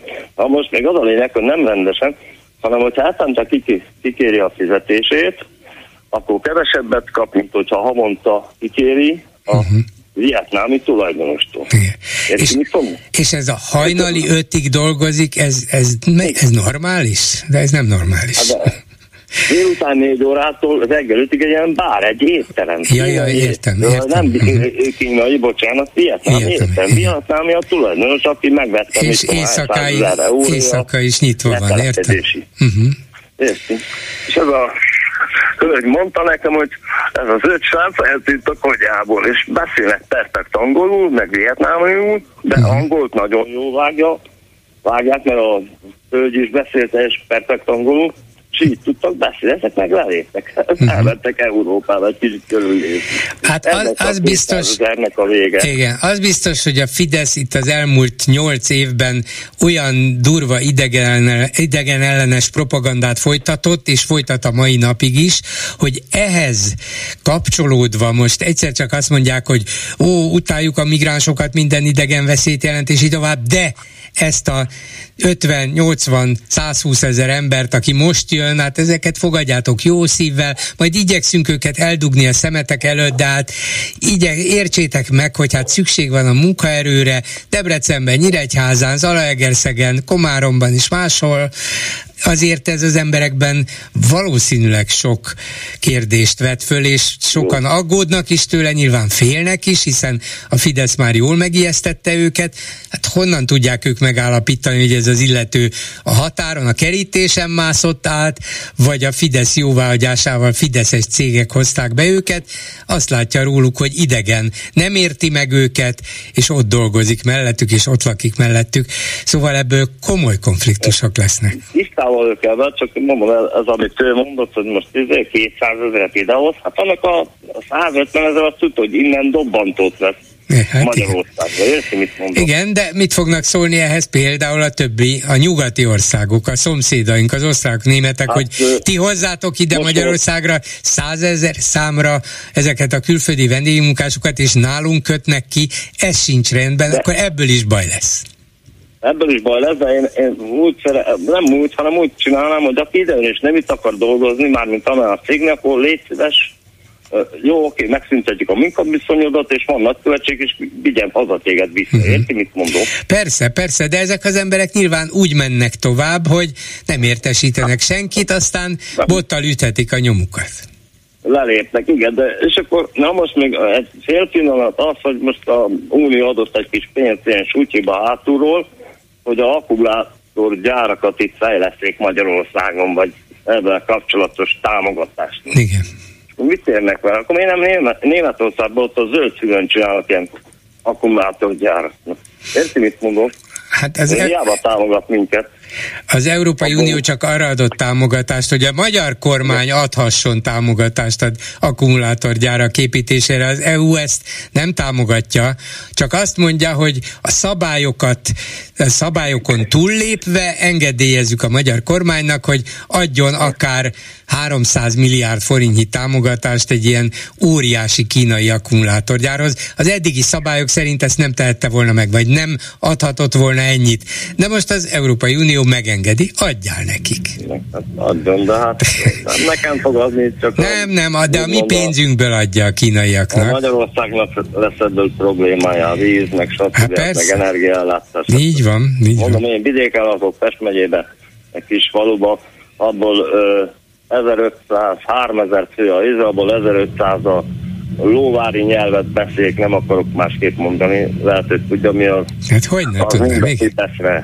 Szavazott, mert ide kihoztak sok mindent, itatták, etették őket, kapják a segélyt, így a Fidesznek így és, és, ők, mi, és ők mit dolgoznak? Mit csinálnak hát az, hogy semmit nem csinál, csak családi pótlék, meg a segélynek kopogtatnak a Na de hát a Fidesz arra büszke, hogy ezt a segély dolgot megszüntette. Akkor közmunka van, vagy máshol kell dolgozni, de Nincs, ők hát mégse. Vannak ilyen segélyek. Itt a faluban van a nyomógomb, ilyen kódos ajtó van, magyar ember nem is mehet be, mert mindig azt mondják, hogy a Covid-ra hivatkozva nem lehet bemenni még az épületbe se. Uh-huh. Egy papírt el akarok öntézni, földhivat, vagyis, hogy mit mindegy, valamilyen adópapírt, ott kijön egy hölgy, és akkor azt mondja, hogy írja meg a kérvét, be se engednek. De ezek meg tudják a kódot, és bemennek. Na hát ők így élnek, így, ez a lóvári nyelvűek. Hát, hát többségben vannak. Uh, hát... Régen kis, kisebbségben volt. A családi pótlék neki játszák, hogy fát kapnak, ilyen ruhasegét, vagy ilyen kajasegét, ilyesmit, érti?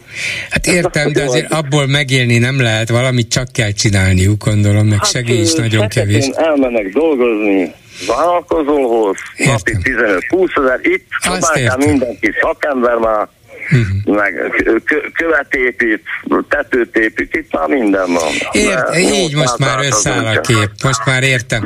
Jó, é, dolgoznak, csak, csak nem, nem hivatalosan, értem? Így van. Köszönöm szépen, igen. Köszönöm szépen, viszont hallásra. A telefonnál pedig Magyar György ügyvéd, jó napot kívánok! Jó napot kívánok tisztelettel! Azért gondoltam, hogy önt kérdezem meg arról, amit Pesti László, az ismert Fidesz barát, Fidesz elkötelezett, de az utóbbi hetekben a Fideszről érdekes kijelentéseket tevő filmes mondott, és most nyilatkozott a magyar hangnak, mert annak idején, amikor Simicska Lajos is meglebegtette, hogy vannak nekik bizonyítékai különböző disznóságokról, akkor ön elég szoros kapcsolatban volt Simicskával, és sok mindenről, ha nem is tudott, de valamilyen sejtése volt.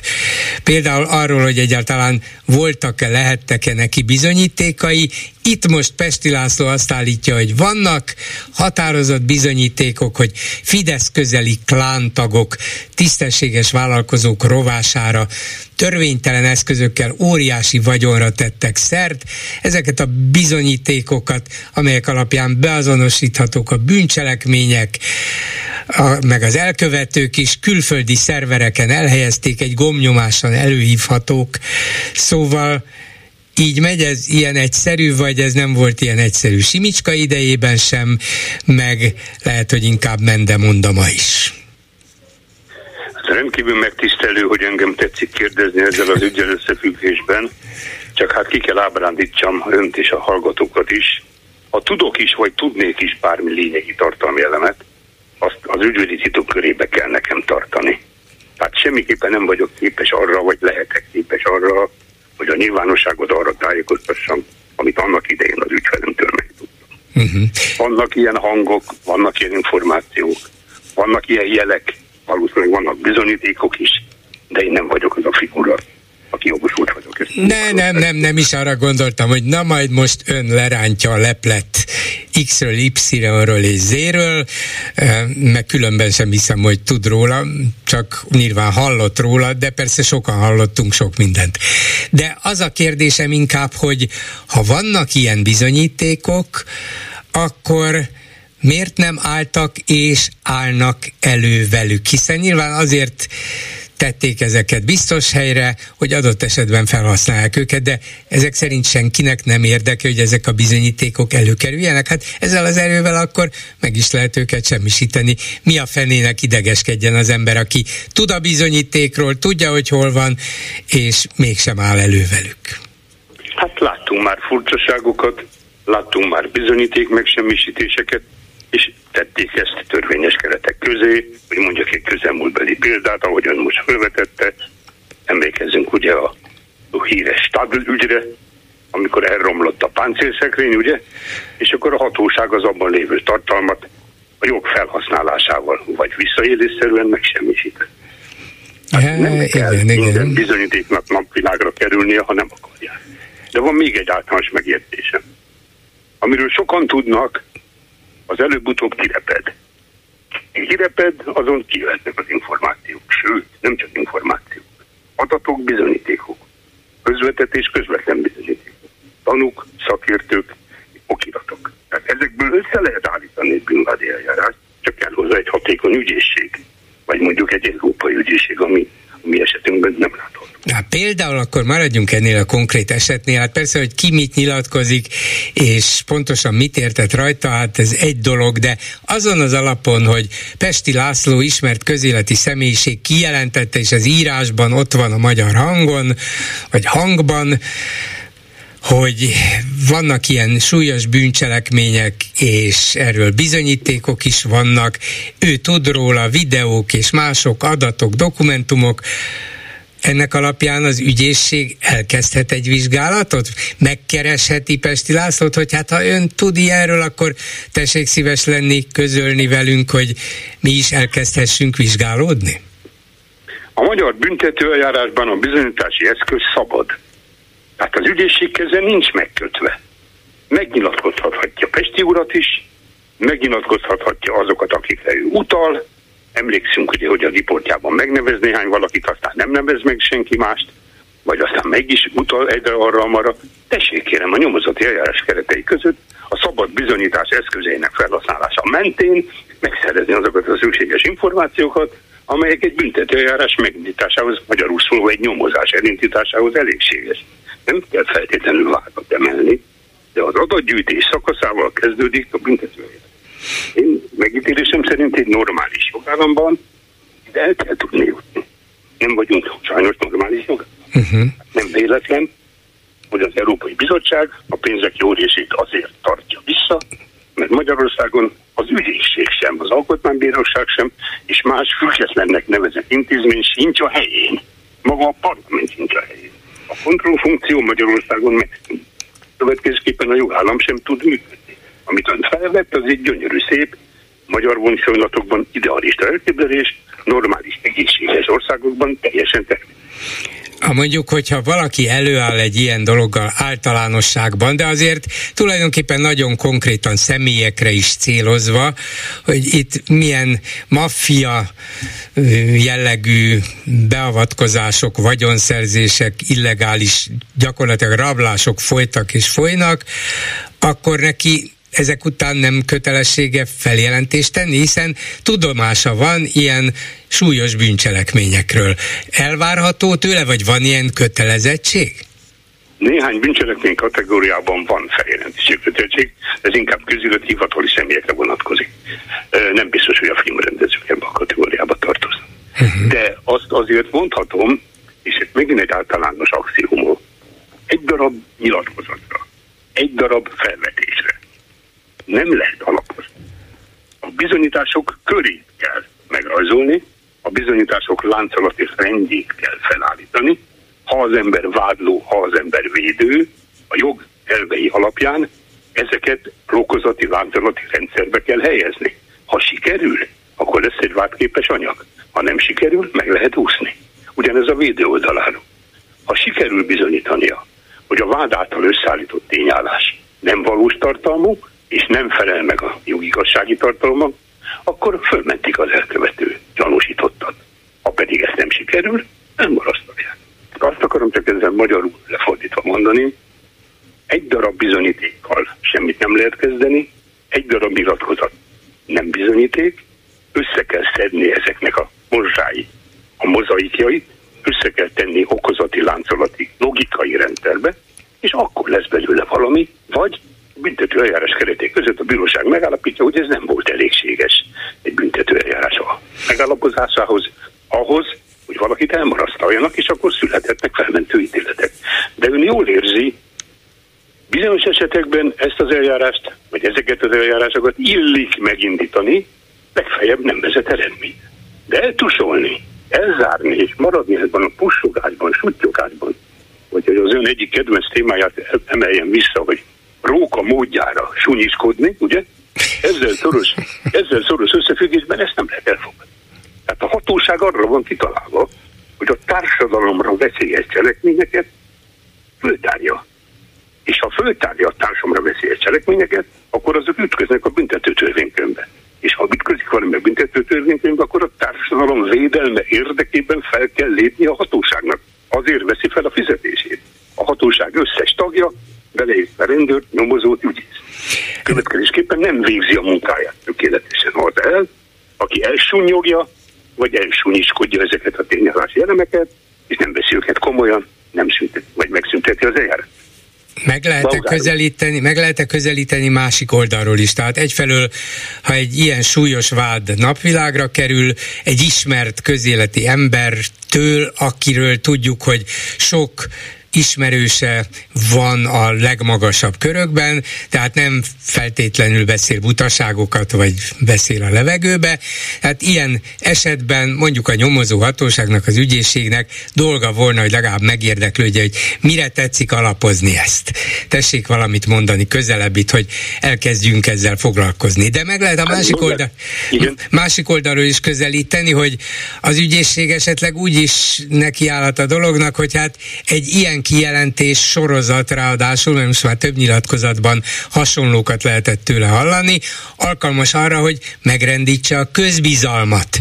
A, a, mondjuk a rendszerbe vezet bizalmat, azt, hogy ez egy tisztességesen jól működő rendszer, ahol, ahol tiszteletben tartják a törvényeket, szabályokat, de ha valaki állandóan azt terjeszti, hogy ez a rendszer ilyen velejéig korrupt, akkor ezzel bizony megrengeti, megrendíti ezt a bizalmat, úgyhogy tessék ezért előállni ennél konkrétabb bizonyítékokkal, különben, hát különben nem tudom, mi történik. Ne, ez a kérdése. Igen, különben, különben hátra kötjük az ön sarkát. Nem, természetesen ha. nincs különben, de, de nem lehet-e ilyen oldalról megköz, megközelíteni, hogy mindenki beszélhet a levegőben, amit akar, nyugodtan vádaskodhat, vagy, vagy akkor csak álljon elő a megvádolt, vagy közvetve megvádolt, hogy engem alaptalanul rágalmaznak. Bolgár kérem, nem ma ismertük meg egymást.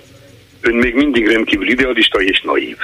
pedig az ország, már elnézést nem sértegetem, hanem csak a... Nem, én csak megítélés kérdezek, fölteszek egy ilyen szándékosan kiélezett kérdést, még ha naívnak tűnik is. Nem, arany, aranyos a kérdés, nincs vele semmi probléma. Válaszolni kell tudni minden kérdésre, nem elmenni mellette.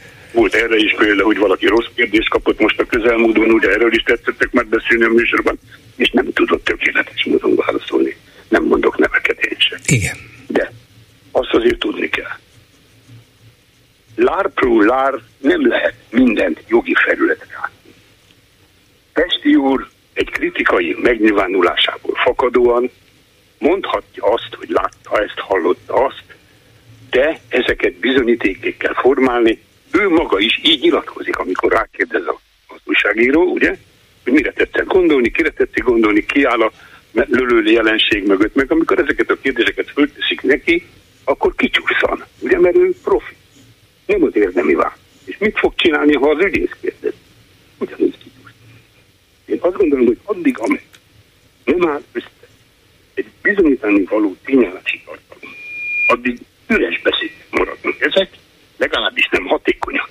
Önnek nagyon igaza van a tekintetben, hogy egy normális hatóság, ha ilyesmiről tudomást szerez, hivatalból indít eljárást. Lehet bejelentésre, lehet bejelentésre, lehet panaszra, lehet indítványra, akár az Európai Unióhoz is lehet fordulni. Közelmúltban szintén mindig az ön példája, ön műsorából hozott példát, nem tetszik arra útni. Hát, sőt, meg vagyok tisztelve. A Mondja. közelmúltban hallottam Palotás úrnak is az egyik felvetését. Igen. Hogy majd az Európai Bizottság megoldja a választási anomáliát. A fenéket. Hát így volt is. Ha, ha kérhetem ügyvéd úr, egy kicsit közelebb tartsa a telefonját, valamiért elkezdett távolodni a hangja. Igen, még biztos megyek a lábommal. Á, ja, az nagyon helyes. Tízezer lépés, az naponta nagyon egészséges. Hát azt megteszem én. én Helyes. Sport, sportkedvelő passzat vagyok, akkor leállok. Így most jobb a hang? Nagyszerű. Jó van.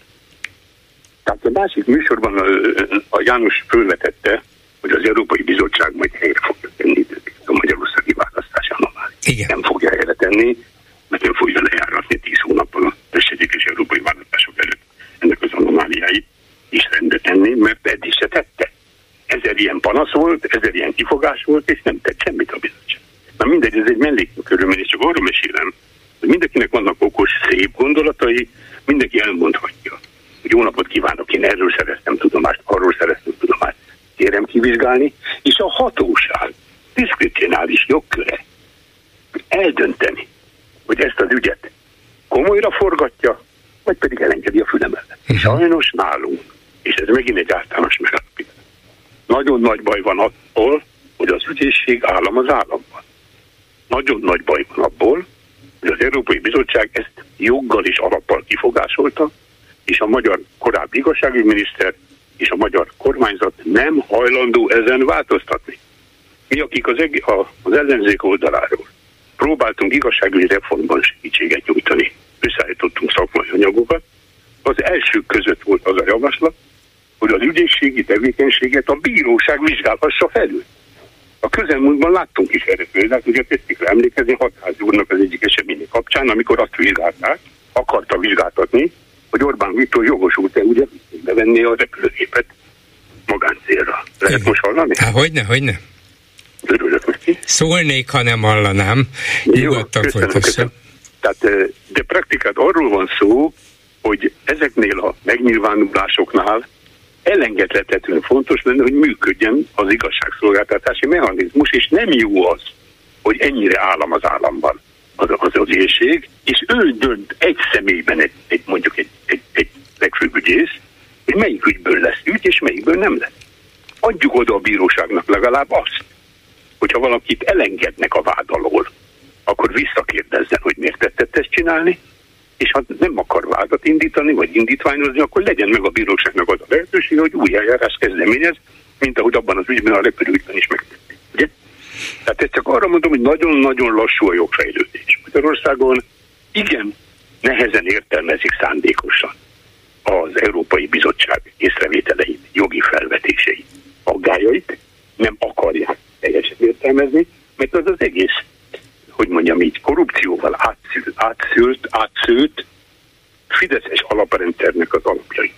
Rengetném. Ezért nincs Magyarország bent az Európai Ügyészségben, ezért vannak az európai kifogások, ügyek visszatérve akkor erre az alap kiinduló pontra, hogy vannak bizonyítékok, csak egy gomnyomás kell hozzá, hogy előkerüljenek, de ha tényleg vannak ilyenek, és voltak más hasonló esetekben, akkor ezeket azért nem hozzák elő, azért nem hozzák nyilvánosságra az érintettek, akiknek a kezében van, mert ez valamiféle végső életbiztosítás, hogy nem mindaddig, amíg ők megvannak, amíg túlélik, amíg nem folytják őket vízbe, csak legfeljebb elvesznek tőlük ezt-azt, addig, addig inkább jobb a békesség, ez csak a végső esetre, ez az életbiztosításunk, úgyhogy maradjon ott eltemetve, ahol van. És nem esnek ki a tizedikről, mint a nagy Szovjetunió. Hát például, igen, igen, igen. Szóval én azt gondolom, én azt gondolom, hogy bármelyik eseményt megnézhetjük bármelyik oldal. Aki úgymond bűnözésre adja a fejét, vagy ügyeskedésre adja a fejét, az a legjobb tudása szerint megpróbálja ezt eltenni. De nem mindig sikerül.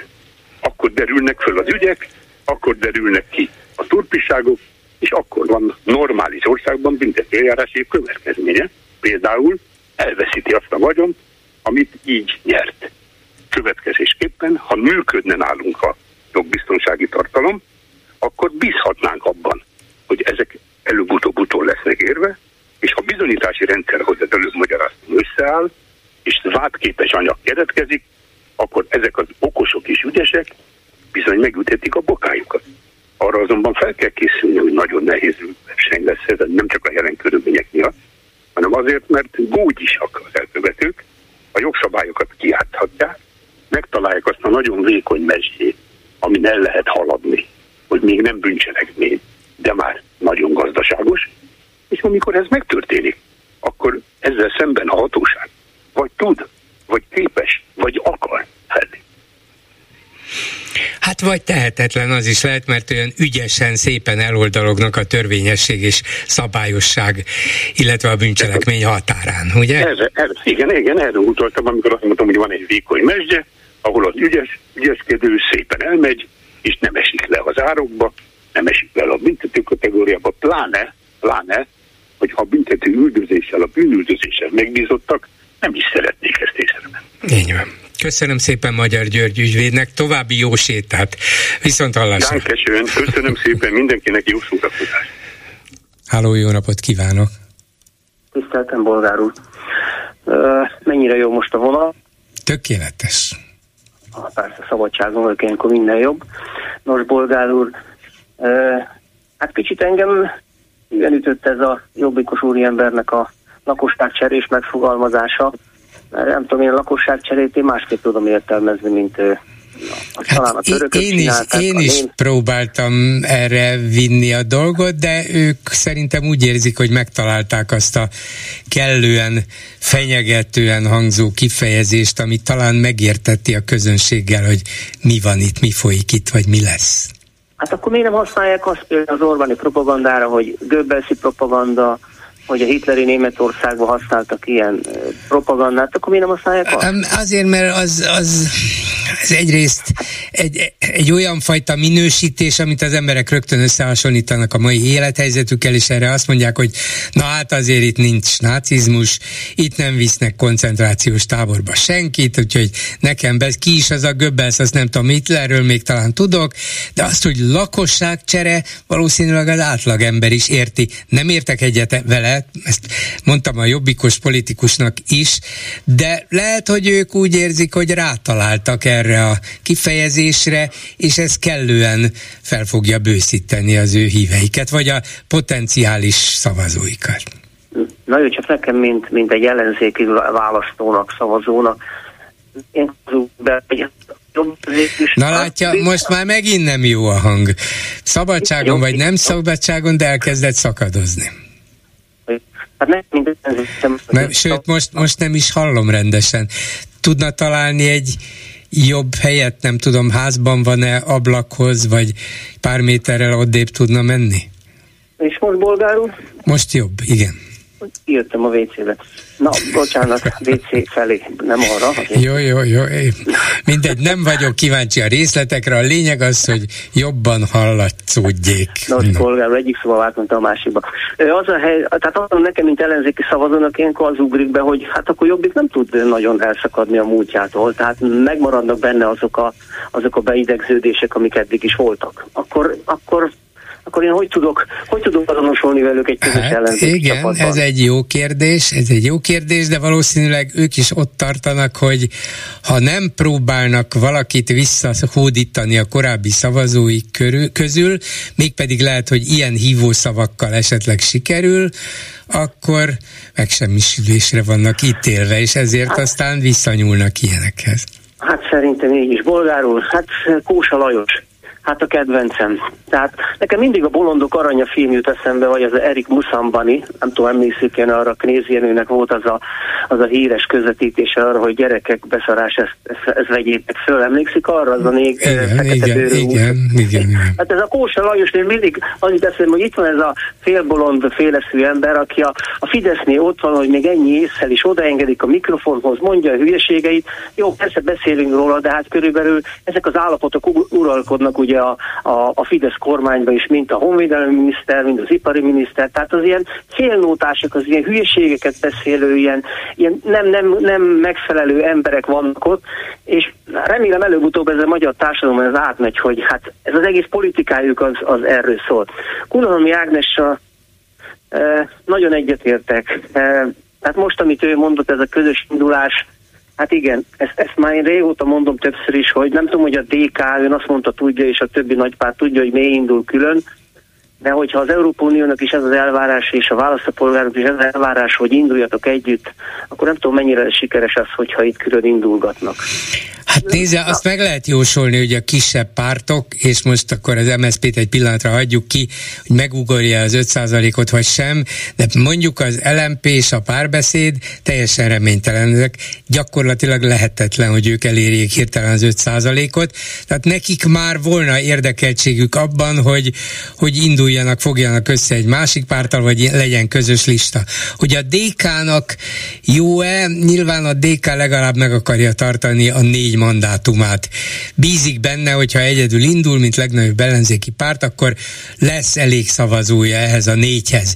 De abban már nem biztos, persze tárgyalások kérdése, hogyha lesz ellenzéki közös lista, akkor abból jut-e négy hely a DK-nak. Úgyhogy sok kényes részlete van ennek, de összességében azt mondom, hogy az LMP, a párbeszéd, adott esetben az MSP és a Jobbik is kerülhet az 5% alá, és ha már csak az, a DK és a a Momentum marad meg 5% fölött, akkor biztos, hogy legalább két képviselői helyet elveszít az ellenzék, és egyet biztos a mi hazánk nyer, és legalább egyet, de az is lehet, hogy kettőt pluszban a Fidesz. Úgyhogy a vereség garantált. De bolgár mi a fontosabb, az egyéni pártérdek, vagy tulajdonképpen a nemzet érdeke? Én ezt, mint szavazó, ezt így fogom föl. Én úgy látom, hogy itt akkor megy az önzősködés a pártok részéről. Elhiszem, hogy ő nekik ez az elgondolásuk, de nekem, mint szavazónak, és egy elkötelezett demokratikus ellenzéki szavazó aki követi a politikát. De akkor mit lát egy bizonytalan? Akkor mit lát? Mit fog, kire fog szavazni? Hát jó az kérdés, jó kérdés, jó kérdés, és nem tudom, és itt ráadásul még csak nincs is arról szó, mint egy országgyűlési választáson, hogy más a véleménye sok kérdésben a Jobbiknak, más az LMP-nek, más az MSP-nek, a DK-nak. Itt azért a nagy európai kérdésekről van szó, könnyebben össze lehet fésülni az akár különböző álláspontokat is, hogy hát akkor legyen benne ennyi szocdem, legyen ennyi liberális, vagy zöld, esetleg a jobbik is belefér valamilyen konzervatív alapállással, és akkor nézzük meg, hogy hova mennek, de itt mégsem arról lenne szó, hogy Magyarországon milyen politikát folytassanak, hanem hogy Európában képviseljenek valami mást, mint amit a Fidesz. Ehhez jobban meg lehetne teremteni az egységet, mint akár itthon egy itthoni országgyűlési választáson. Lehet, hogy akkor azon, amit az elmúlt beszélgetésen mondtam önnek, hogy ezek a pártok annyira utálják egymást, hogy nem hajlandók együttműködni? Mert az minden jel akkor ezek szerint arra mutat. Talán az utálat nem jó szó, de biztos, hogy hogy bizalmatlanok, és valószínűleg úgy érzik, hogyha 22-ben ekkorát buktunk az együttindulással, akkor biztonságban érz, nagyobb biztonságban érzem magamat a többiek nélkül. Pedig én úgy gondolom, bolgárul, hogy egyetlen egy megoldás van arra, hogy valami remény legyen arra, hogy mind az Európai Uniós választás és mind az országos választásokon valami sikert érjenek el, ismerős az szó ennek a stratégiai együttműködés, ugye? Vagy stratégiai partner, ezt a kormány nagyon használja. Én azt gondolom, azt Legyen a Fidesz a stratégiai partnerük, az biztos beválna, nem? Hát legalábbis a Kósa Lajos, mint szóvivő. Igen, én arra gondolok, hogy ezeknek a pártoknak, az ellenzéki pártoknak úgynevezett stratégiai együttműködés kellene kezdeményezniük a magyar szakszervezetekkel. Össze kellene állniuk ebben a szerencsétlen helyzetben, és ígéreteket tenni arra, hogy mindazokat a munkavállalói jogokat, amit elvett a Fidesz, visszaállítják. A sztrájkjogot, uh-huh. a, azokat, azokat a dolgokat. Igen, ez, ez jó, és valószínűleg ebben mind a hat egyet tudna érteni, még a jobbik is szerintem. Én elhiszem, hogy utána a kormányzáson ez nagyon nehéz feladat lenne utána ezt fölbontani, és akkor a szakszeretek ellen tenni valamit. Én úgy gondolom, hogy olyan helyzetben vagyunk, hogy most ma Magyarországon mindenkinek össze kellene fogni. És a másik, addig is, és ebbe a nyári nyíles időszakban is ezt, ezt tulajdonképpen már két-három éve mondom, hogy egy ilyen kommunikációs rohamcsapatot kellene létrehozni az összes ellenzéki pártnak, ahol minden olyasfajta kormányzati bösszenetre és hülyeségre, amit mondanak, csípőből, kapásból egy-két órán belül válaszolni.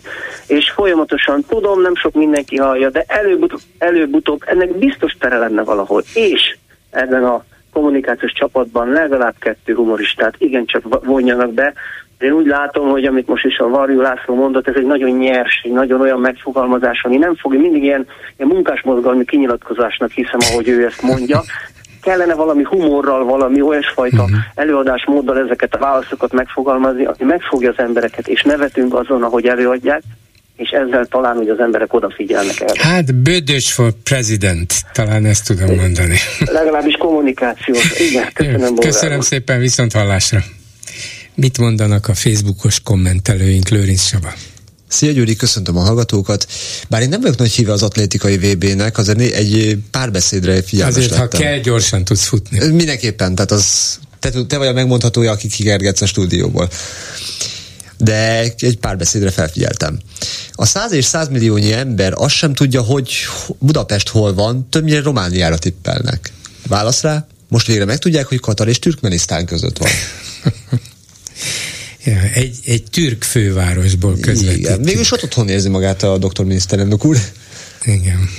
De azért tudni fogják, és nyilván elmondják a tévéközvetítésekben is mindenhol a világon, hogy ez Magyarország.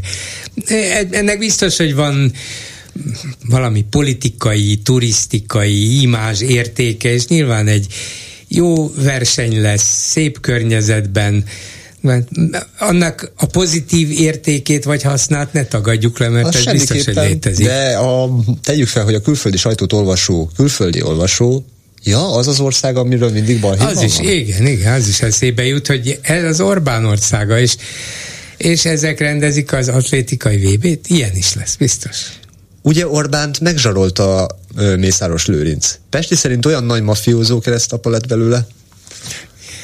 Vagy talán fordítva, nem, nem, nem, nem, nem. hogy hát. csak megbízás és barátság Igen. és bizalom, persze. De maradva a nonsens irodalomnál, Pesti László bizonyítékai és Simicska Lajos atombobája ott vannak annak a svájci banknak a trezorjában, ahol Orbán Viktor számláját vezetik. Jaj, jaj, jaj, jaj, jaj, nem az eri az a bank véletlen. Nem tudom, nem tudom. A, a kommentelő erre gondolt. Uh-huh. És a végére maradt a Kósa Lajos uh, szekció. Kósát nem szabad lebecsülni. Ha ritkán is szólal meg, akkor nincs ebben a Fideszben, aki zavarosabban fogalmazna. Igen, nagyon eredeti, tényleg. Sáskától a sörig, Hát végül is miért ne sült sáska sörrel, ez, ez ilyen sörfalatka. Nem, nem, nem, nem tudom, egészen, hogy miért nem vitte tovább ezt a dolgot. Nem egészen értem a dolgot. Kósa a versenymotor pályáját alakítsa át méhlegelővé. Szerintem környezetvédelmi minisztert fognak belőle csinálni, már csak azért is, mert annak semmi felelőssége nem lesz, semmi ebbe beleszólása nem lesz, viszont jól, jólnak látszik, hogy ez van, mert idáig is eljutottunk, és Kósa beszélt, amit akar. Na azért van egy bizonyos környezetvédelmi hatása, hogy az utolsó kommentelő is fogalmaz. Hozzátok be a napról, mert túl jól demonstrálja a globális felmelegedést. Na például. Egy lett volna a komment szekció. Köszönöm szépen, és egy betelefonáló a vonalban. Jó napot kívánok! Jó napot kívánok, én Paplajos vagyok, és csak hogy segítsem a műsornak egy ilyen szép keretes szerkezetét kialakítani. Én ahhoz a ö, hölgynek által elmondottakhoz szólnék hozzá, ami a műsor legelején hangzott el, amikor is a ö, nyugdíjas hölgy elmondta, hogy a kisebb településeken milyen hasznos lenne, hogyha hallható lenne például a klubrádió. Igen, és hogy ő vásárolna olyan wifi-t, amiről Wi-Fi-t. ingyen igen. elérhetnék a igen, műsort. Igen. igen. Ennek a technikai megvalósítása a következő. Vannak úgynevezett transmitterek. Ezek azok a kis kütyük, ez pár tízezer forintba kerül, amik a hatótávolságtól függően akár másfél-két, akár hat-tíz kilométeres távolságra tudják sugározni azt, amire beállítják, beprogramozzák, és ez egy ilyen kvázi kis ö, rádióadóként működve mindenféle hagyományos rádión ezt meg lehet hallgatni, amit ezek a kis kütyük sugároznak. Tehát valójában ezt úgy lehet megoldani, hogy kell egy mobiltelefon, amin ö, állandóan bekapcsolva lehet hallgatni például a klubrádiót, mondjuk a Youtube-on érdemes, mert azt kevésbé zavarják, e, és az össze van kötve ezzel a transmitterrel, és az egy bizonyos sáv hosszúságra be van állítva, és azon a sávhosszon minden hagyományos rádióval, legyen az elemes rádió, vagy hálóz, már mint hogy elektromos hálózatra csatlakoztatott, ezt lehet utána hallgatni. De nem léphet föl a hatóság, hogyha egy ilyen transmitternek a hatótávolsága mondjuk néhány száz méternél nagyobb? Hát Mondván, nem hogy hát tudom. Hát, ugye? Azért szerintem ez, itt ez lehetnek nem, jogi elkép... és egyéb ez elképzelhető, de, de ilyeneket használnak bevásárlóközpontokban, vagy más helyeken is, ahol azért egy kis település miatt a hatótávolság az Nyilván itt nem egy, nem egy nagyobb falu vagy egy, nagy, egy városról lehet szó, de egy pár száz fős településen, ahol semmilyen elérése nincsen a kormányzati propagandán kívül semmilyen sajtóterméknek, hát ott esetleg ezzel lehetne valamit kezdeni. Uh-huh. Mondjuk én elég skeptikus vagyok, az előző országgyűlési választások előtt volt ugye, amikor a a, hát már jóval előtte, amikor elvették a, a klubrádiótól a földi sugárzási lehetőséget, és akkor állt át a klubrádió erre a webes szolgáltatásra. Én akkor bátorkodtam ezt a javaslatot megküldeni az összes ellenzéki pártnak, meg még magának a klubrádiónak is, hogy esetleg érdemes lenne ezzel valamit foglalkozni, nem tudom, hogy történt-e bármi, és nem értek ennek a jogi részéhez, tehát elképzelhető, hogy valamilyen hatósági szabályozás ezt tiltja, de kis ható körben valószínűleg nem. Hát ugye egy ilyen transmitteren keresztül egy olyan olyan frekvencia sávot kellene megtalálni, ahol nincs semmiféle adás, így ami, van. ugye? Így Na most ez nyilvánvalóan van. minden helyen különbözik, mert abban a pillanatban, hogy elkezd zavarni, elkezdi zavarni egy másik törvényesen működő rádióadás, és annak hangját, ugye? Hogy, hogy ha, ha viszont csak mondjuk néhány tízméteres körben működik egy ilyen transmitter, akkor viszont a probléma nincs megoldva, mert akkor azon nem segít, amit az első hallgatónk szeretne, hogy egy néhány száz lelkes faluban, egy néhány száz méteres sugarú körben legyen alkalma ingyen hallgatni a, például a rádió műsorát Igen. azoknak, akiknek erre van eszközük. De ha csak pár tíz méterre terjed, akkor, akkor egy-két család hallgathatja és akkor nem lehet ezzel játszani. Hát nyilván vagy, nem pár tíz méter, tehát nyilván ezeknek sokat. Én, amióta a klubrádiót száműzték, Azóta én ezen használom. Igaz, hogy én csak itt a, a lakáson belül többféle rádión is, de, de én ezt használom, mert mert... Meg jó, hogy szóba hozta ezt, és én sem hagynám szó nélkül, megpróbálok visszatérni rá a jövő héten, de, de valószínűleg ennek jogi és bizonyos technikai korlátai lehetnek, szeretném megtudni, hogy pontosan micsodák, mert valóban jó volna, hogyha sokan hozzájuthatnának ehhez, annak ellenére, hogy tudom, hogy azért a magyarországi internet ellátottság viszonylag jó, a magyar lakosságnak több mint 80%-a internettel rendelkezik, ha nagyon akarja, meghallgathatja a klubrádiót is. Némi pénzbe persze kerül, hogy, hogy legyen valamilyen internet elérése, de, de nem tudom, hogy ez trans, transmitteren keresztül, vagy esetleg valami nagyobb wifi elérésen keresztül technikailag és jogilag lehetséges-e, de megpróbálom megtudni. Hát én csak felvetettem a lehetőség. A wifi az biztos, hogy, hogy annak a hatósugra az, az kisebb. Igen, igen. Bár ott is vannak nagyobbak, de, de valószínűleg hát, az igen. meg költséges. Na szóval így van, így van. Meg így egy van. viszonylag olcsó, azt a pár tízezer forintot és azt a webes előfizetést, ami egy mobilra, azt, azt valaki nyilván pártok. Igen, például, igen, igen, állhatnák ezt a költséget. Meg nem volna igen. haszontalan mondjuk a településeken, hogyha volnának olyan párt aktivisták, akik ezzel foglalkoznának igen, igen. szinten, tehát szükség szerint tájékoztatná ott a Hát igen, sok minden kellene, hogy hasznos legyen. Köszönöm szépen, viszont hallásra. Én is köszönöm, viszont hallásra. Ezzel a megbeszéljük mai műsora véget ért, készítésében közreműködött Lőrinc Csaba, Erdei Tünde, Simon Erika és Csorba László. Bolgár Györgyöt hallották, viszont hallásra a jövő héten. Most pedig jön az Esti Gyors. Esti Gyors, a hírek háttere. Jó estét kívánok, Sámeszi János vagyok, ez itt az Esti Gyors, a szerkesztő Zsidai Péter.